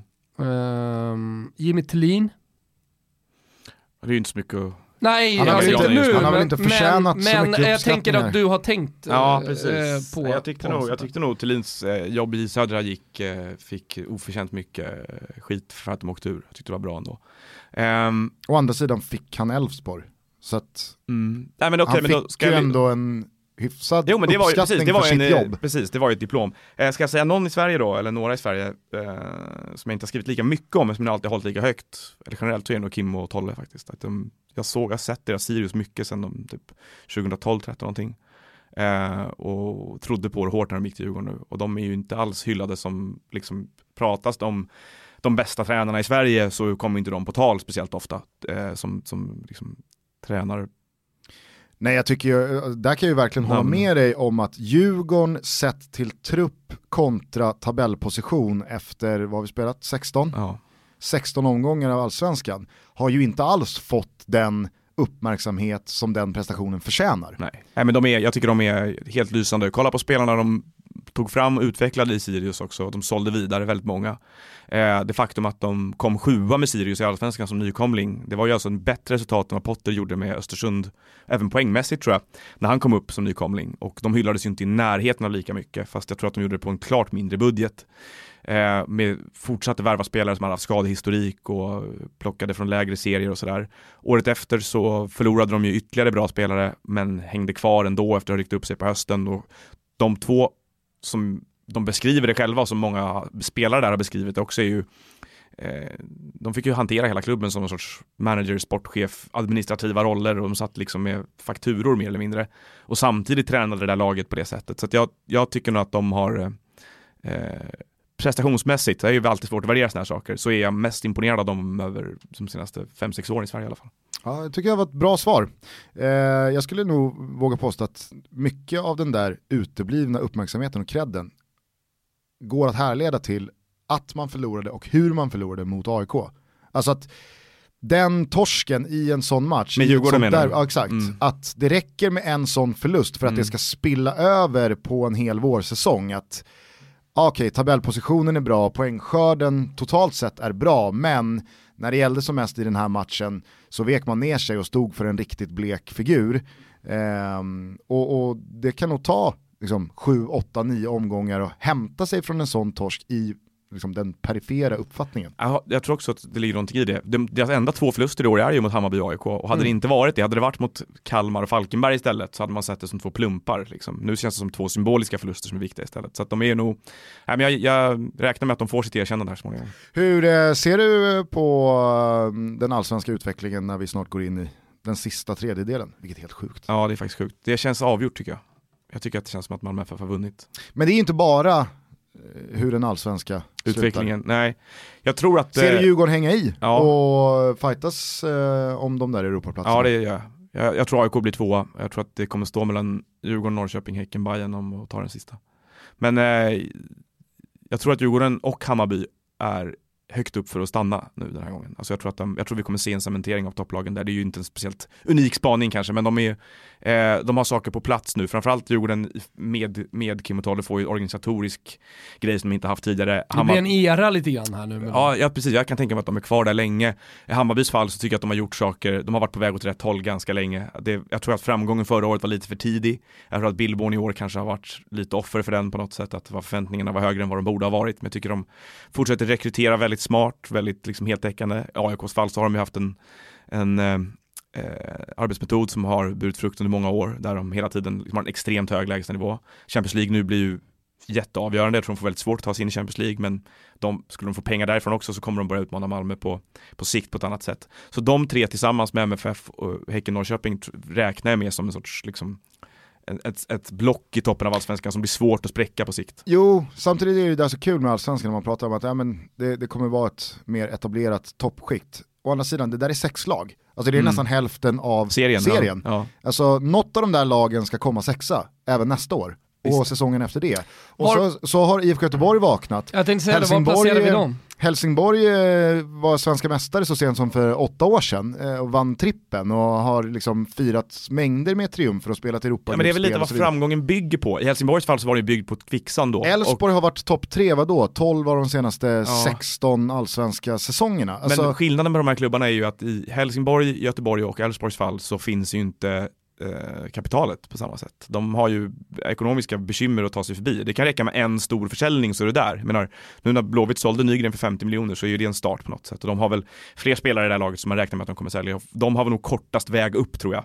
Helsingborg och Elfsborg så är jag väl inte lika stor tillförlit till i Helsingborgs fall till klubbledningen, därför att jag förstår inte hur de håller på med flera gånger. Jag tycker det känns som att även om de nu har tagit sig upp i Allsvenskan och eventuellt ser ut att hänga kvar så eh, jag ser inte att det är frukten av en liksom, speciellt klok metod utan det är mer lite irrationella beslut liksom, till höger och vänster och namn, mycket, mycket på namn. I Elfsborgs fall så känns det som att de, är, de har eh, många bekymmer, många utmaningar. Alltså. Dels så har ju de gjort en stor investering i Tillin för att få det att funka, det har inte lyft. De har haft svårt eh, ekonomiskt att få ihop till spelare som de inte lånar in som ska bygga det här laget på nytt. Spelarna som kommer fram ur akademin är inte lika bra som de var för ett par år sedan. De lockar inte publik till sin hemmaarena. Så att jag tycker de, de har liksom sorts strukturella hinder som gör att jag inte sållar dem till samma klubbar den närmsta tiden. Jag tycker också finns en oroande trend i vilka spelare som antingen har varit eller är på plats i Elfsborg där kvaliteten snarare går åt fel håll. Alltså att Simon Lundevall ser ut som han gör sommaren 2019 med tanke på hur han såg ut för två år sedan. Är, det, det är otroligt märkligt. Och Basi är en kvalitetsspelare som är på plats utan att göra speciellt stor skillnad. Viktor Prodell, Per Frick, alltså det, det, det finns ganska många namn att, att nämna i, i just Elfsborg-sammanhang där det känns som att, här, vart var tog den här spelaren vägen? Jag, har, jag, tror att, jag tror att de har ett, ett långtgående problem där. Jag tycker det påminner lite om det som var Arsenal under Wenger efter ett tag. Att det känns som att det är ett kulturproblem i Elfsborg. Att de är för många spelare som hänger med huvudet för lätt, för många spelare som inte orkar dra sitt strå till stacken. Då har de ju ändå spelare som Holmén och Ishizaki som man tänker att det Exakt. ska vara Det ska vara någon kärnkraftverk slags där. garant Liksom. för att... Men de är lite... De är Spelar lite Ishizaki fortfarande? ja, då.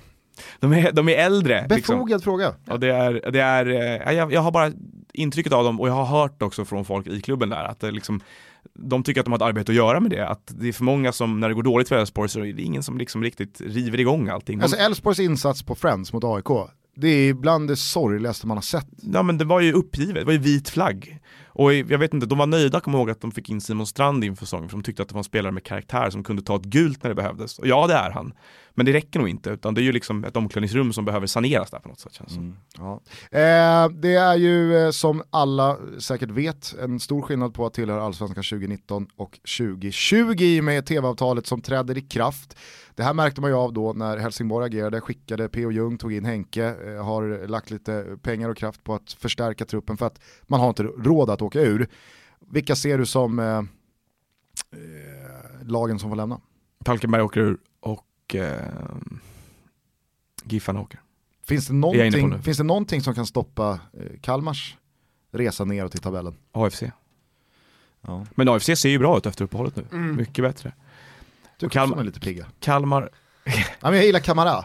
Nej, Alltså, alltså, jävlar, ja. Rysholm vill ju åt cashen nästa år, så han kommer ju se till att lösa det där. ja, det Jo, samtidigt så är det, det är väl lite för många röster nu som vittnar om att det är inte en spelare som har fått pröjs på ganska Nej. länge. Så att, hur länge håller en sån bubbla? Ja, jag vet precis. inte. Fotbollsmässigt tycker jag de ser och så lånade de Kosica från Djurgården nu som ju är tillräckligt bra för att hjälpa till där nere också. Det, det, det som är konstigt med Kalmar är att de, jag har alltid, aldrig fattat, men liksom, de gav Magnus Persson så otroligt mycket mandat när de tog in honom och det där är klubbar som gör ibland att de säger du ska sitta i styrelsen, du ska vara vår tränare, vår manager, vårt allt. Nu får du köra, här, är, här har du pengarna. Och så gasar de och så går det inget bra. Och då ska man plötsligt ur ett brottargrepp om man ska byta tränare där man har liksom investerat jättemycket och ja, mer eller mindre satt ihop sig med någon de kommer inte sparka honom, det är jag helt övertygad om, utan de måste ju betta på att han vänder det här nu mer eller mindre med hjälp av att göra saker med truppen. Jag vet inte liksom. För Alltså det, prestigeförlusten det skulle vara med tanke på hur Rydström fick lämna Ja. i vintras. och han ligger och puttrar där några platser över med sitt Sirius Mm. som frågar om Moses Ogbu vill komma tillbaka. Liksom. Det är, ah,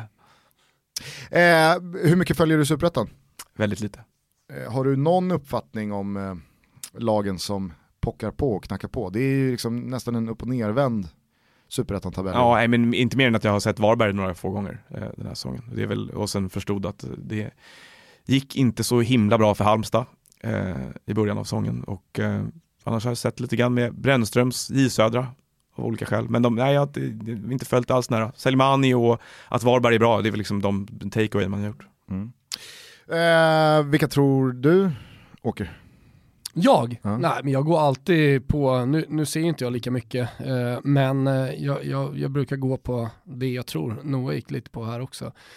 Eh, historia eh, och det kombinerat med vad man har för spelarmaterial och, och kanske lite muskler nu då när, när transferfönstret är, är öppet. Och har det gått dåligt under våren om man går in i en höst, då behöver man nog göra ett par grejer eh, för, för att liksom orka vara kvar. Precis det Helsingborg gör. Alltså man, man, man gör ett par värvningar och, och sen så man sätter in Henke.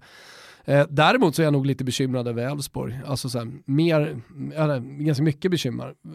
Dels det du säger om kulturen, dels med Jimmy Tillin, att han absolut inte verkar få det att funka. Uh, och, och, kombinerat då med att det kanske är andra lag som, som eh, agerar mer nu.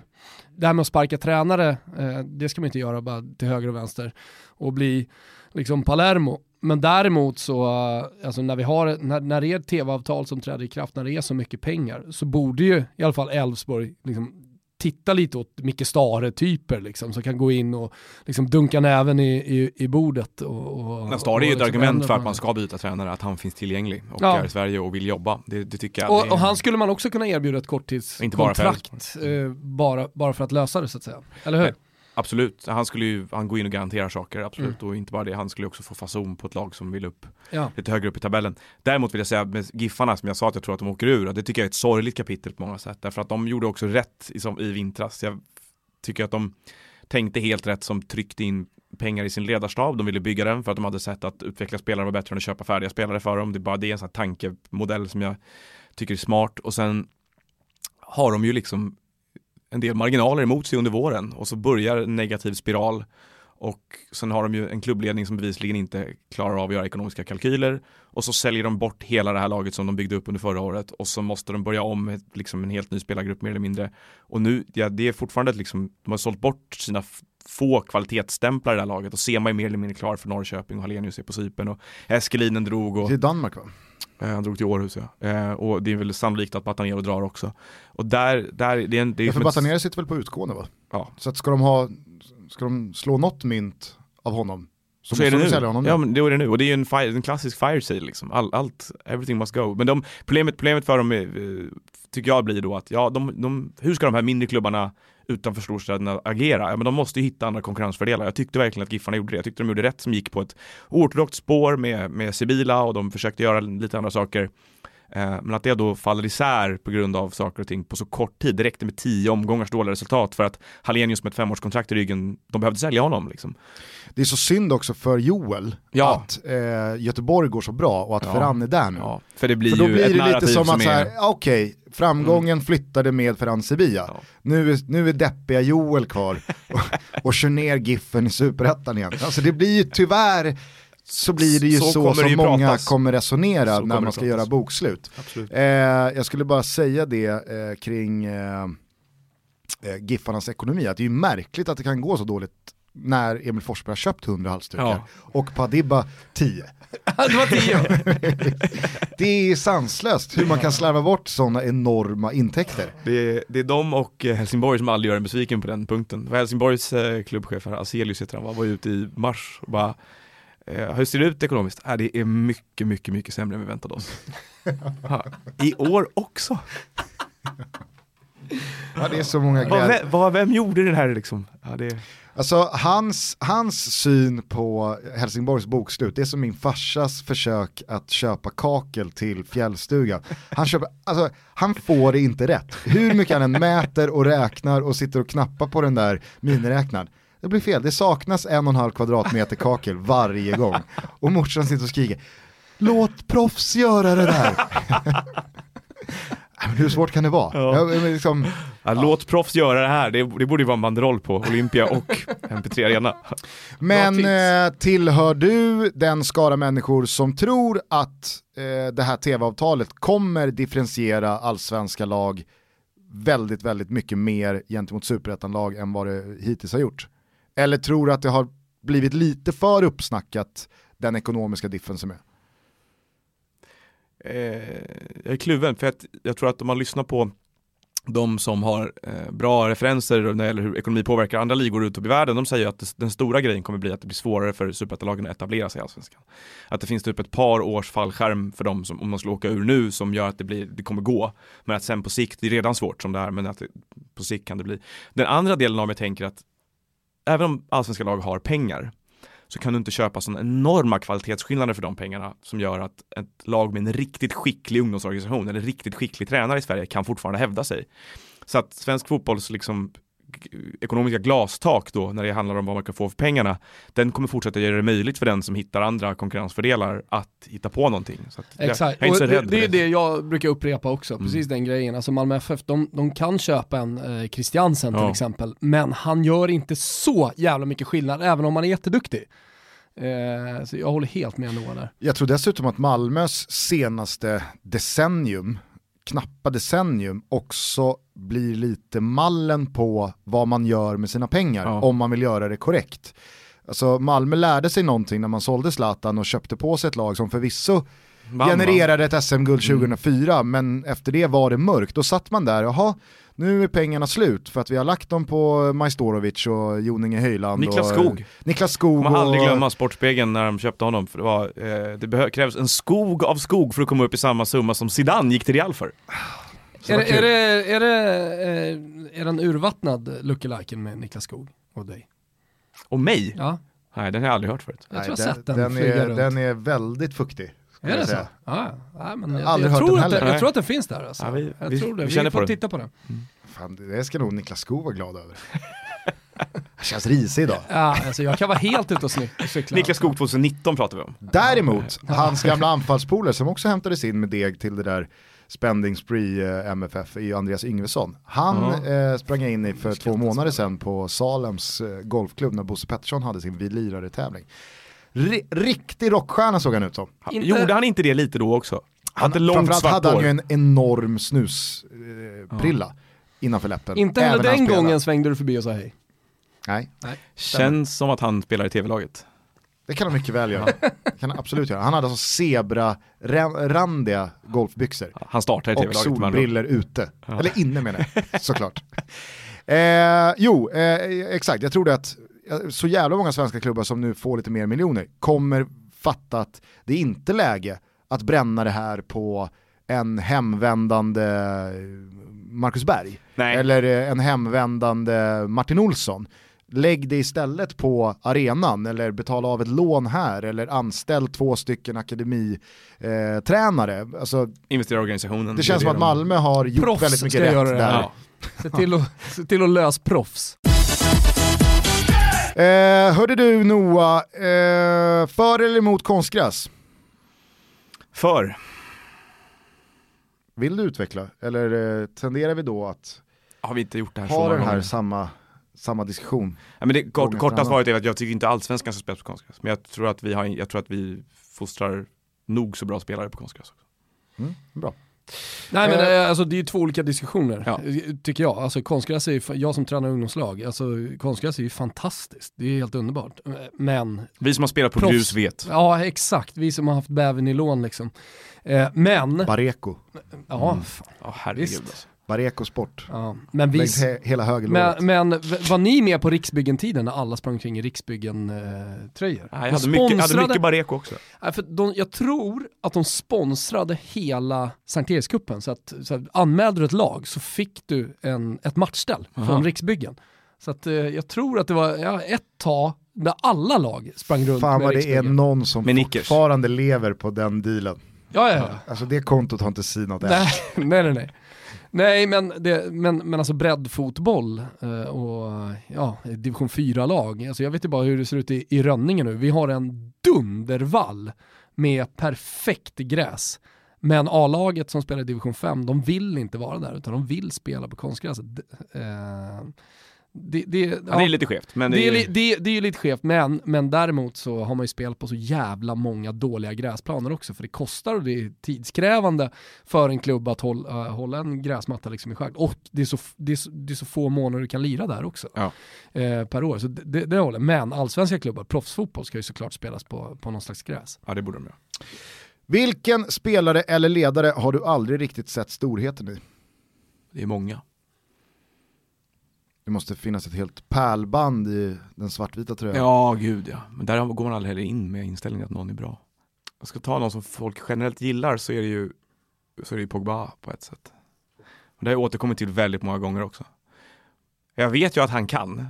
Jag tror inte att han, jag, alltså, jag tycker att han blockerar sig själv för att han håller på att fokusera på fel grejer. Det låter ju som Graham Souness i Sky Sports. Men det har varit så länge. Det var samma sak, alltså, första intrycken av honom på det här sättet var EM i Frankrike 2016. Jag kommer aldrig glömma den sekvensen för att jag hade jag hade nog fått intrycket från början av att läsa en text av Simon Cooper om Pogba och faran med Pogba, att han, han pratade om sig själv och typ skildrade sig själv på ett sätt som han var inte riktigt där än. Alltså han var väldigt bra men han var inte riktigt där. Och eh, i premiären mot Rumänien så kommer jag ihåg att han går in och så slår han en crossboll på typ 60 meter det första han gör och det är alltid varningsklocka för mig, en mittfältare som gör det första de gör i matchen slår en crossboll på 60 meter. Om man inte heter Paul Scholes. Då får man göra det. Eh, men, och sen så i sekvensen efter så kommer det en, en långboll från Rumänien och Pogba, Pogba hoppar alltså åtta sekunder innan bollen är framme. Och, och tror att han ska hänga kvar och ta nickduellen, men han landar ju långt innan bollen kommer och torskar nickduellen. Och det var sådana här hybrisögonblick. Och sen så har jag nog, det har nog med att göra väldigt subjektivt, jag har spanat efter de karaktärsdragen i honom mycket. Och jag tycker väl att det har varit väldigt tydligt i Manchester United att han, jag vet- jag vet inte, han, han liksom, han hittar inte riktigt dit. Jag kan bli ruggigt frustrerad kring Paul Pogba när många efter en sån här säsong hänvisar till all- Juventus-tiden. Ja, inte bara Juventus-tiden, utan framförallt hänvisar till all statistik på United-spelares, alltså så här, svart på vitt, så här var det den här säsongen. Mest mål, Paul Pogba. Flest assist, Paul Pogba. Flest skott på mål, Paul Pogba. Flest vunna dueller, Paul Pogba. Ja visst, alltså så här, det är svårt att snacka bort att han toppar 19 av 25 kategorier i den här statistiken.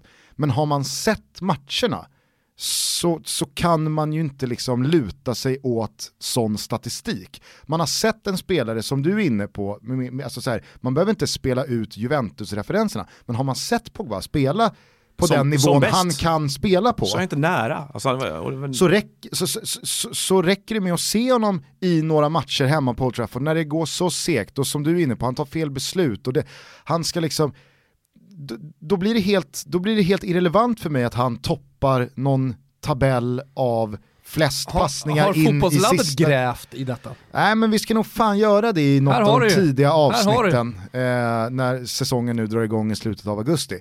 Nej men förstår du vad jag menar? Absolut. Att det finns så många som åberopar att man toppar statistik eh, när man kan med egna ögon se en match. Så här, vad är det här? Ja, men, då, men det är ju skillnaden då är ju att även om han är bra, han kan vara dubbelt så bra som även om han har gjort en helt okej säsong. Liksom. För det är väl det är väl det som är problemet med honom. Jag, Ja och sen så en, att- en, en annan liksom, väldigt adekvat sak att nämna i ett sånt sammanhang är ju i vilket lag har han varit bäst då? ja. Alltså det har ju inte varit jättemånga bra, Han var bättre än McTominay. ja, ja men exakt. Det finns ganska många andra spelare i det där laget som också har stått för riktigt svaga säsonger. Så att, Nej, det är han, han är ett sånt återkommande fall för mig. eh, ska jag avkräva dig på ett svar vad gäller landslaget? Eller jobbar du för nära blågult? Nej men vad är, vad är frågan? Som du, en spelare som du inte riktigt har sett storheten i? Som har spelat i landslaget, eller spelar i landslaget? Mm. Ehm, nej men det ska man kunna svara på. Rodén, Rodén, en klassisk spelare för mig. Ja, det, är, det är ju inte så svårt att ta sikte på honom såklart, men Janne Andersson kan ju inte prata, kan ju inte prata nog Fan, högt vad är han nu? Jag vet inte. För att Men det är väl en spelartyp. han var ju i Crotone alltså. Ja, det är ju koll, spelade, ser- gjorde ju bra, krig, så här, han krigade på. Ja. För att annars kan det ju Alltså bli när så... inte ens du vet.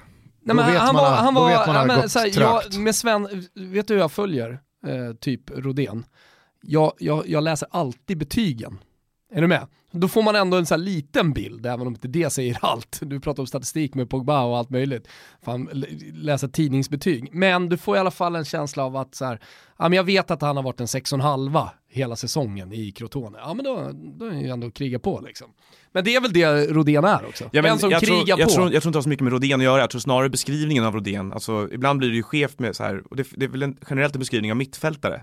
Det är kanske är mitt dåliga fotbollsöga som inte ser vad han gör, men ah, det, typ, landslagsledningen kan inte prata gott nog om vad Marcus Rodén bidrar med till ett lag. Och jag ser inte det själv riktigt på det samma sätt. Busquets är en annan sån här spelare, det måste jag erkänna också. Jag förstår, jag förstår att Busquets är bäst i världen i sin roll, typ.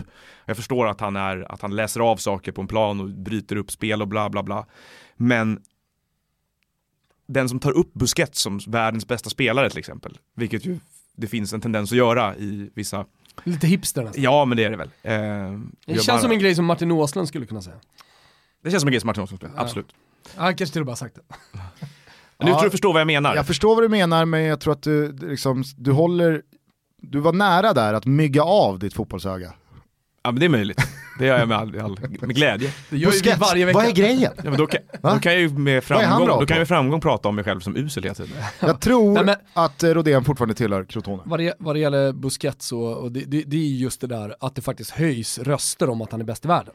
Ja, så jag, som sagt, jag förstår att han är en jättebra defensiv Alltså mittfältare. Paul Pogba, ja, Nej, folk pratar om eh, Rodén har Ballon d'Or liksom. Ja. Ja. nej, där är han inte. Nej, nej. det kommer han aldrig vinna. Nej, Rodén har lämnat Crotone. för Ja, men jag också... Står inte här, men i, slu- i, slutet, Han är inte kompatibel. Nej, han kommer inte vara med där. Nej. i Blir slutet inget. av maj så är det en artikel här att eh, den svenska mittfältaren Marcus Rodén lämnar Serie B-klubben Crotone, bekräftar klubbens sportchef. Har du den? Jävlar vad imponerande. Jävlar vad imponerad jag blir om du sätter Crotones sportchef på uppstuds.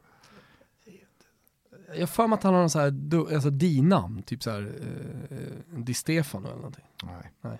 tyvärr. Beppe Ursino. Är det Beppe Ursino som är där? Du kan inte Du hämta kan inte hem där. nej. Fy Tyvärr. Admit defeat. Ah, Bepson! Exakt, gamla goda Bepson. Admit defeat bara Thomas. Eh, finns det något specifikt i din karriär som du ångrar eller som du fortfarande grämer dig över? Min journalistkarriär, eller min fotbollskarriär. Thomas gjorde ju misstaget att tro att den här frågan handlade om hans fotbollskarriär. Ja. Så att han började ju prata om sin tid Tiden i... i Lodos. Ja, Jag borde ha passat när jag var fri borta mot Selånger 2007. Ehm, miss, som jag ångrar, alltså som jag grämer mig över var det frågan. kan det ju inte finnas. Ja, men du har ju frågan. Zlatan. Ja, ja men det, det, kom ju, man, det där kommer man ju undan med för det var ingen kamera där liksom. Nu när vi ändå liksom så här eventuellt pratar om saker man ångrar, och så här, då måste jag fråga, när det begav sig, eh, du figurerar ju en del i Simor Mm. eh, 2017, Ja, något sånt, ja, 16-17. eh, var, det, var det ditt beslut på något sätt att inte fortsätta med det? Eller eh, fanns det, liksom, hade du kunnat gå vänster och du valde att gå höger eller?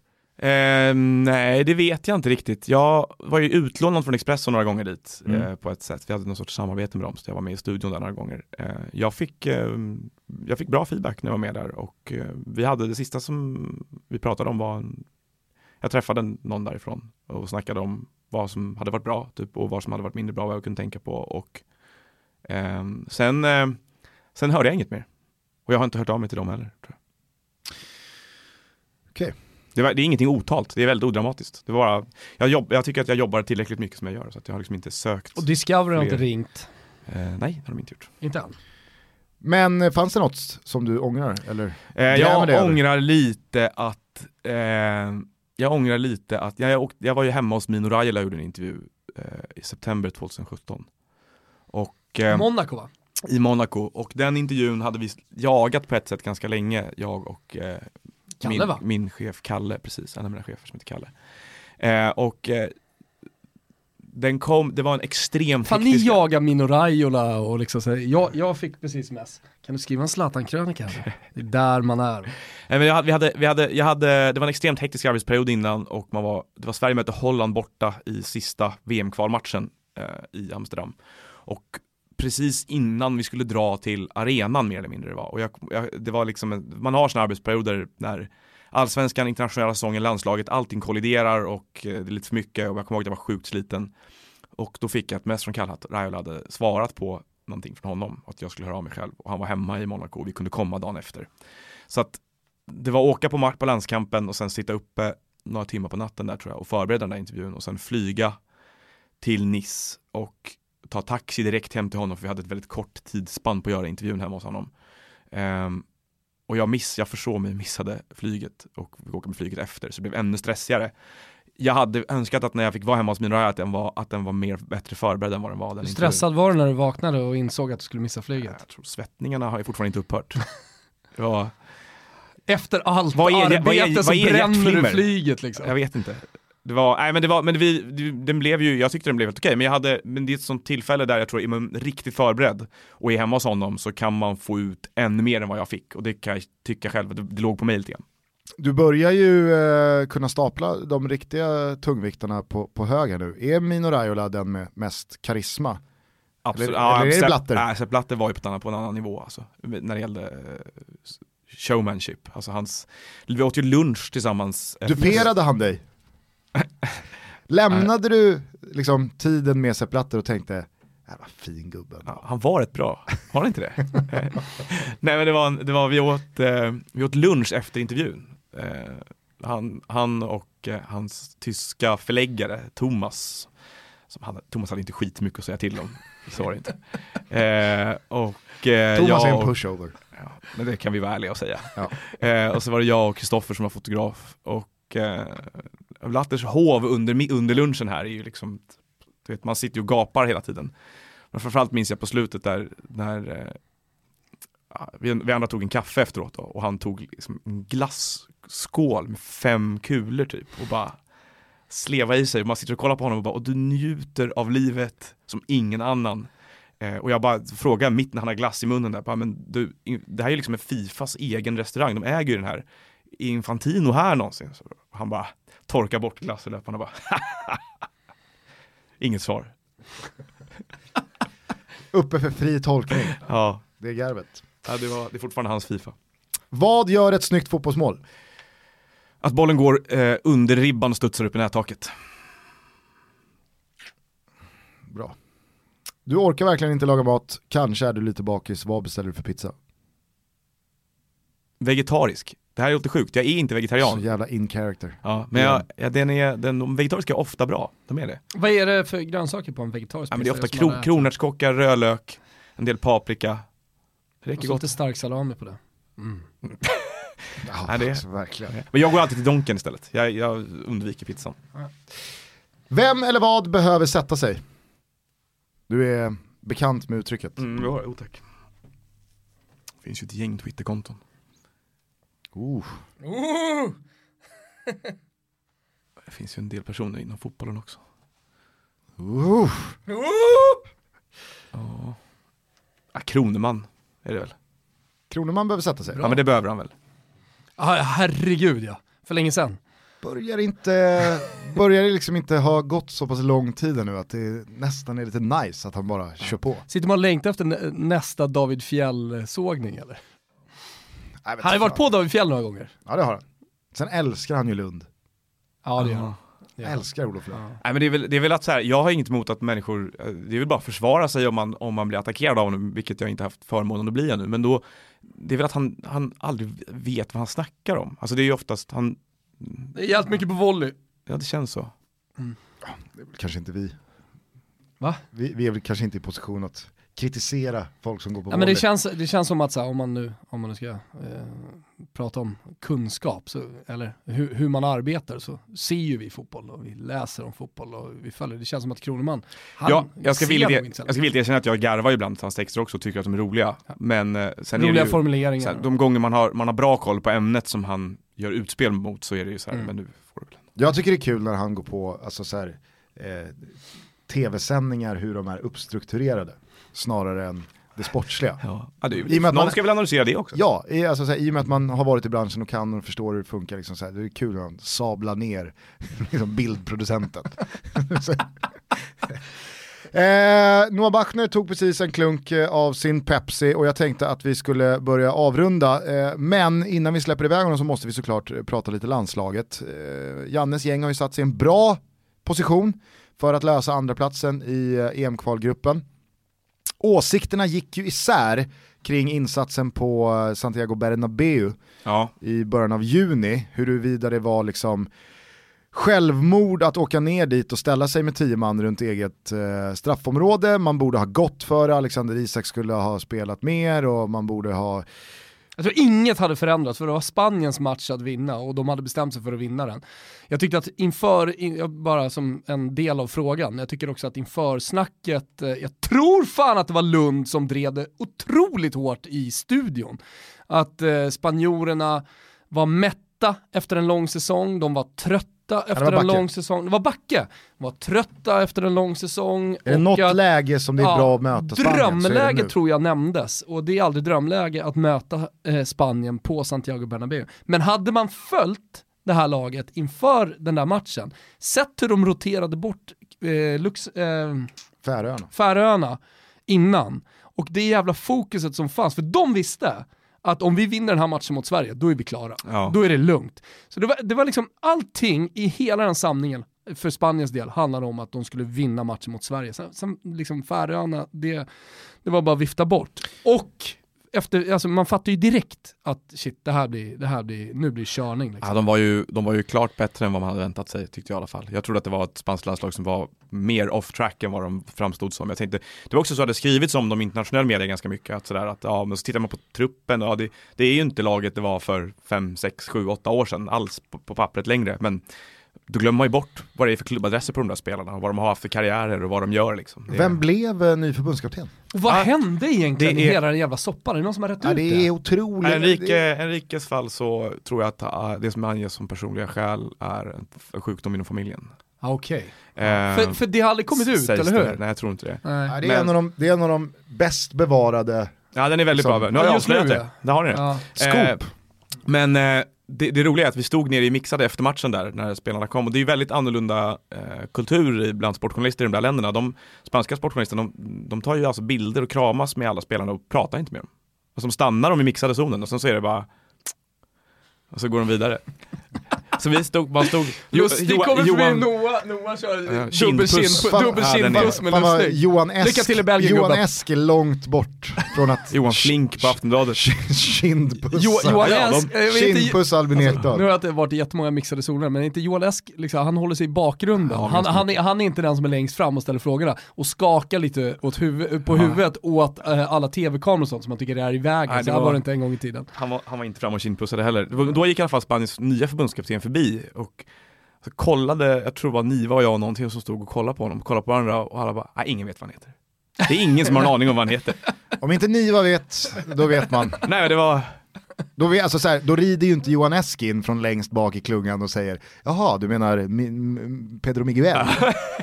nej det var inte, vi jämförde kommer jag ihåg, men det var en period där jag tror West Bromwich bytte mellan någon och någon och Pepe Mel och någon till. Ja. Och man bara, det är ingen i hela världen som vet vem som tränar West Bromwich. det kändes likadant ännu. när Pepper Mel gick in. eh, skitsamma, det jag skulle landa i är ju att nu är vi ett drygt år ehm, efter eh, VM-succén i Ryssland. Nations League-hösten blev ju... alltså En den- succé! Ja, men till slut så blev den ju en succé trots att det spelmässigt inte alls var någon succé, inte enligt mig i alla fall. Eh, den här EM-kvalvåren har ju också varit eh, lite upp och lite ner, men när man nu går in i hösten med en långtidsskadad Viktor Claesson, en del spelare som inte bara är osäkra vad gäller eh, framtida klubblagsspel, var ska de spela och så vidare, utan också har hamnat lite snett rent eh, relationsmässigt till media och så vidare. Så det, det känns som att det finns lite halvgrinigheter att eh, ta i beaktning också. Va, vad ser du framför dig för landslagshöst? Nej men de kommer komma två i den här kvalgruppen, det är jag rätt säker på. Eh, och eh, det som man vill ha nu, det är ju Lindelöf i spel igen och bygga ihop det där försvarsspelet. Så jag tror ju inte att Granqvist kanske kommer orka hela vägen till mästerskapet nästa sommar i landslaget. Jag tror att det är han och jag, det är Lindelöf och Jansson som kommer spela. Eh, för att jag tycker att nu finns det ju offensiva beståndsdelar, det har ju Janne pratat om rätt mycket också. Det finns ju offensiva spelare nu med helt andra egenskaper. Så man vill ju gjuta ihop det där i höst. Jag vill ju se dem spela tillsammans. Det är ju jättetråkigt med Claesson. Jag tyckte ju att matchplanen mot Spanien föll ju på honom också. De hade ju ingen spelare att ställa om på. Det fanns ju ingen snabb spelare. Och det största misstaget de gjorde taktiskt där, det var inte så jättemånga misstag. Jag vet inte vad de skulle ha gjort istället. Men det var ju att inte sätta in en snabb spelare, utan sätta in Sebastian Larsson istället. Eller när de hade honom från start. De satte in eh, Jakob Johansson var det. Och flyttade upp, flyttade ut Larsson på kanten. Och då var det plötsligt bara Quaison att ställa om på. Eh, och det räckte inte. Så att, eh, att Claesson inte är med i höst, det gör att den här den här matchplanen som vi såg mot Spanien, som var, det är exakt samma matchplan som de hade mot Tyskland i VM förra året. Alltså den, och mot Italien. Du, du stryper alla ytor som de vill spela in på och så ställer du om på två spelare lite då och då. Eh, den är ju svår att få till stånd om du inte har snabba, effektiva spelare. Klasen är dessutom en poängspelare som liksom, ger honom tre chanser så blir det nära mål på en i alla fall. Och de, de spelarna har vi inte hur många som helst heller, så det var lite synd. Men jag tror, för att det ska bli kul med EM nästa år så eh, vill jag gärna ha Lindelöf i spel så att ett, nytt, ett ny backlinje kan spela ihop sig. Eh, med honom som en rätt naturlig utgångspunkt nu. Han, blir ju, han kommer ju bli en inofficiell ledare, kanske till och med får binden så småningom. Eh, och sen så ser ju rätt, rätt tydligt för mig hur det blir framåt i planen. Det är ju liksom, det är en tidsfråga tills Isak är, startar och eh, du har Forsberg, du har Claesson, du har Quaison som släpar bakom Isak förmodligen och sen har du Albin Ekdal och eh, mm. eh, någon bredvid honom. Förmodligen Kristoffer Olsson när vi ska föra spelet med. Men eh, vad är din uppfattning om det relationsmässiga då, mediala, det var ju ett par samlingar här nu eh, under våren som var riktigt kämpiga. Oh. Ser du det blåsa över eller har någonting gått sönder som kommer bli svårt att laga så länge det är en kärna med Victor Nilsson Lindelöf, Forsberg, Guidetti och så vidare, Robin Olsen. Alltså det där är så himla svårt att svara på för, eh, för den som jobbar på Expressen, därför att ingen av uppgifterna var våra fortfarande. Det måste man komma tillbaka till. Det låter som att jag skyller ifrån mig eller försöker svartmåla konkurrenterna, så är det inte det som är poängen, utan uppgifterna kommer från Fotbollskanalen och Sportbladet. Alltså vet... Och eh, vi har satt. Och vi har satt, just det. Glöms eh, alltid bort. Ja, och, måste, är... och måste poängteras. Eh, nej men eh, de vet ju, eh, inom citattecken då, vad som hände, eller vad som, vad som, vem som sa vad. Och eh, så länge man inte vet vem som läckte de här uppgifterna, eh, så har jag svårt att förstå liksom vad kärnan till i den här grejen var. Därför att även om det inte stämde det ena eller andra så var det någon som hade ett intresse av att få ut det. Någon med trovärdighet till och med, för annars skulle det inte ha skrivit. Det är liksom inte, de chansar inte på sådana här grejer, det gör ingen, utan du, du har verkligen skäl att tro att det, det som sägs stämmer. Eh, och min spontana tanke som jag har liksom gått tio varv med efter att det här hände och diskuterat med många och liksom vänt och vridit på olika möjligheter, det är ju att eh, det finns mycket krafter i fotbollen som kan spela saker på olika sätt. Jag tror att det kan ha varit, eh, utan att veta vem eller vilka agenter det skulle ha haft att göra med, jag har bara en, en känsla av att det var, det, det är liksom det är inte spelarna själva som sätter det här gör, i rörelse på det sättet utan det är någon annan som har gjort det och eh, eh, rådgivare i, i, med stor sannolikhet. Men ser du det då blåsa över eller kommer det vara, kommer det vara frostigt ett tag här nu? Jag tror inte att det är så frostigt. Alltså, jag tror inte att det är det nu. Jag får inte intrycket av det. Utan jag tror att eh, jag tror att det finns en, ett latent missnöje från Emil Forsberg om hur han nyttjas. Jag tror inte han gillar matchplanen när han tvingas vara extra vänsterback. Vilket ju Janne nu, nu har de ju kommit så nära varandra i och bolla de här uttalandena att Janne säger att ja, ibland måste Emil spela vänsterback. Och Emil säger, ja jag förstår att jag måste vara vänsterback ibland, men jag tycker det är roligare när man försöker ha bollen och driva den framåt. Och samtidigt tror jag att han, han begriper väl också att ska vi ha en chans att slå de bästa länderna så går det inte att liksom expandera och, och försöka äga bollen i 90 minuter. Så det är svårt att peka på Jannes resultat och säga att han är ute och cyklar. Precis, är jag är inte helt säker på att Emil förstår, jag vill bara säga det. Ja, jag, tror, jag, tror att han, jag tror att han fattar det till, till ganska stor del nu. Men så jag tror inte att det är så frostigt i övrigt. Alltså. Det, jag tror att det är ganska lugnt. Okej, Malmö vinner SM-guld. Sverige går utan problem till EM som tvåa bakom Spanien. Newcastle går ännu en helvetiskt jobbig säsong till mötes. Är det så vi eh, summerar eh, Noah Bachner avsnittet nummer två? Men det är väl rättvist. Jag var väl jävligt dålig eh, generellt här. Ja, nu har du förstört ännu en podd. Här, lyssna på mig, 90 minuter dravel om ingenting. Här sitter jag och Det återupprepar ska bli mig själv. intressant när det här avsnittet kommer ut nu nästa vecka. Det ska bli intressant att se då hur subtweeten eller hur eh, Ja. liksom, Noah är med på det här. Här har jag börjat fila på. Ja. Kan inte alla våra lyssnare som eh, är mer eller mindre aktiva på Twitter subtweeta ut det här avsnittet och liksom göra det med en krok att Noah är dålig? Ja, det hade, varit, det hade varit roligt. Det vore kul. Vinnaren får en eh, t-shirt av oss, eller hur? Jo men så är det, det måste finnas ett tävlingsmoment. Jo absolut, jag Ja. menade bara att det hade varit kul att liksom, så här, vinnaren får någonting som är dåligt av Noah. Jaha, det var så. Ja men kanske gör en t-shirt med... Eh, En sommar med mig, jag är dålig på somrar. Typ, sommar, Man får en sommar med Noah. badplats med Noah liksom. Kan bada. Vin, vinnaren får käka en riktigt usel vegetarisk pizza med Noah. På en badplats någonstans. När Eh, sitter och, ta med er det herrelösa och beklagar hundar. sig över hur jävla tråkigt det är. Du får givetvis också avsluta det här avsnittet med en riktigt dålig låt. Ja, jag ska tänka riktigt noga. här. Jag har ju så jävla dålig koll på musik. Det... Har du det? Nej, det har jag faktiskt Det är inte. klart han inte har. Nej, jag tänkte, du är ju Eh, på jazzfestival. Exakt, Eh, du ser ju på, här, går, här Nej. går en man som, Har dunderkoll på musiken. ja, som Ja, vet, så här, jag... som vet så här jobbigt många basister. Nej, Jag är inte 57. Nej men hur många basister kan man då? En kanske. Nej, jag kan, jag, fem basister har man ju. Ja, du ser, det är du som sitter på basisterna. Så Just kan du lägga över det på mig. Vi var ju med i någon Gene quizpodd någon. Vi, var- vi var Nej, han med, sjunger. Han är basist. Gene Simmons är basist. Ace Frehley spelar el- elgitarr. Så är det. Paul Stanley också. Jajamän. Och spelar Simmons bas. Ja. Jag har, varit, jag har varit sminkad till Kiss många gånger i mitt liv. Det är inte, Nej, Din jävlar vad vi körde på fritids. vem var du då? då? Jag var Ace Frehley och det var en stor debatt om huruvida Ace Frehley var en tjej eller inte, kommer jag ihåg. Jaha. Eh, Men tills eh, jag skrev ut en bild på Ace Frehley och visade att han hade ett adamsäpple så att de andra kunde slänga sig i väggen. Du han ledde- var visst du- kille. Du ledde din tes i bevis redan då. Ja, Fint. För, för inga anklagelser från Photoshop. Nej men jag väljer, eh, när jag är eh, ute och, och misslyckas med mitt sommarhäng på Reimersholme så brukar jag lyssna på Marble Phone med Young Lean mycket. Du ser, jag har aldrig hört. Det susar i Thomas skall. ja, men jag skulle säga det om min jävla quizpodd där liksom 80% av podden var musik. Satt ju som...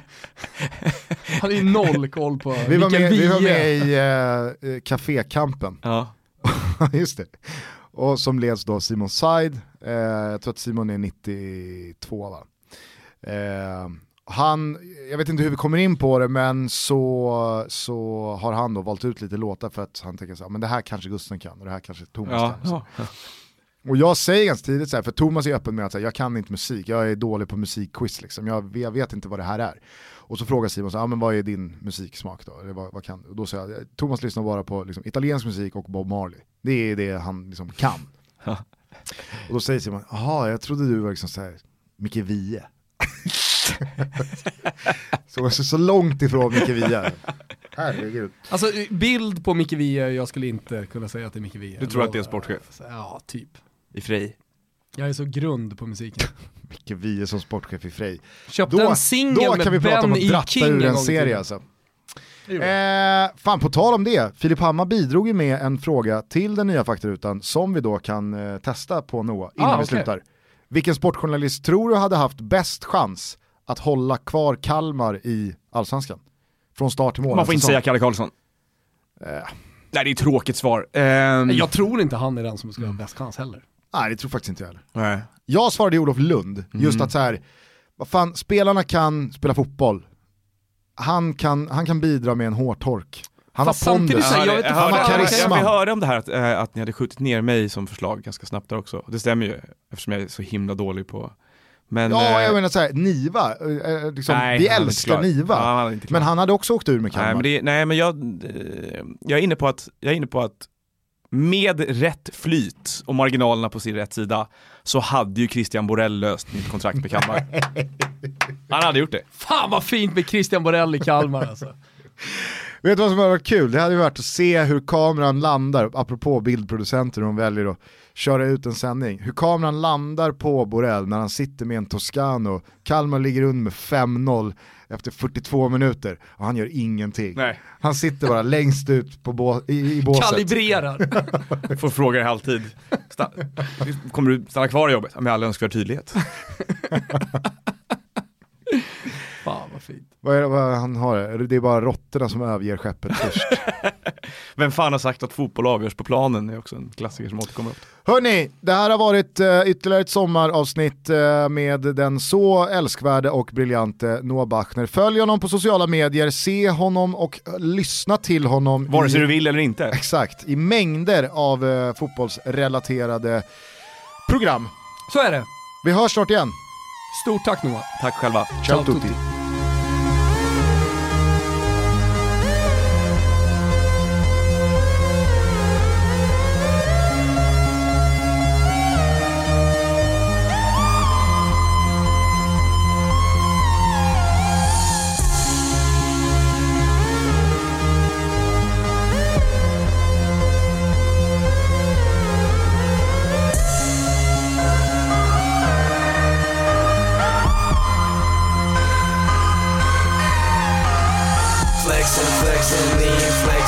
flexing, lean,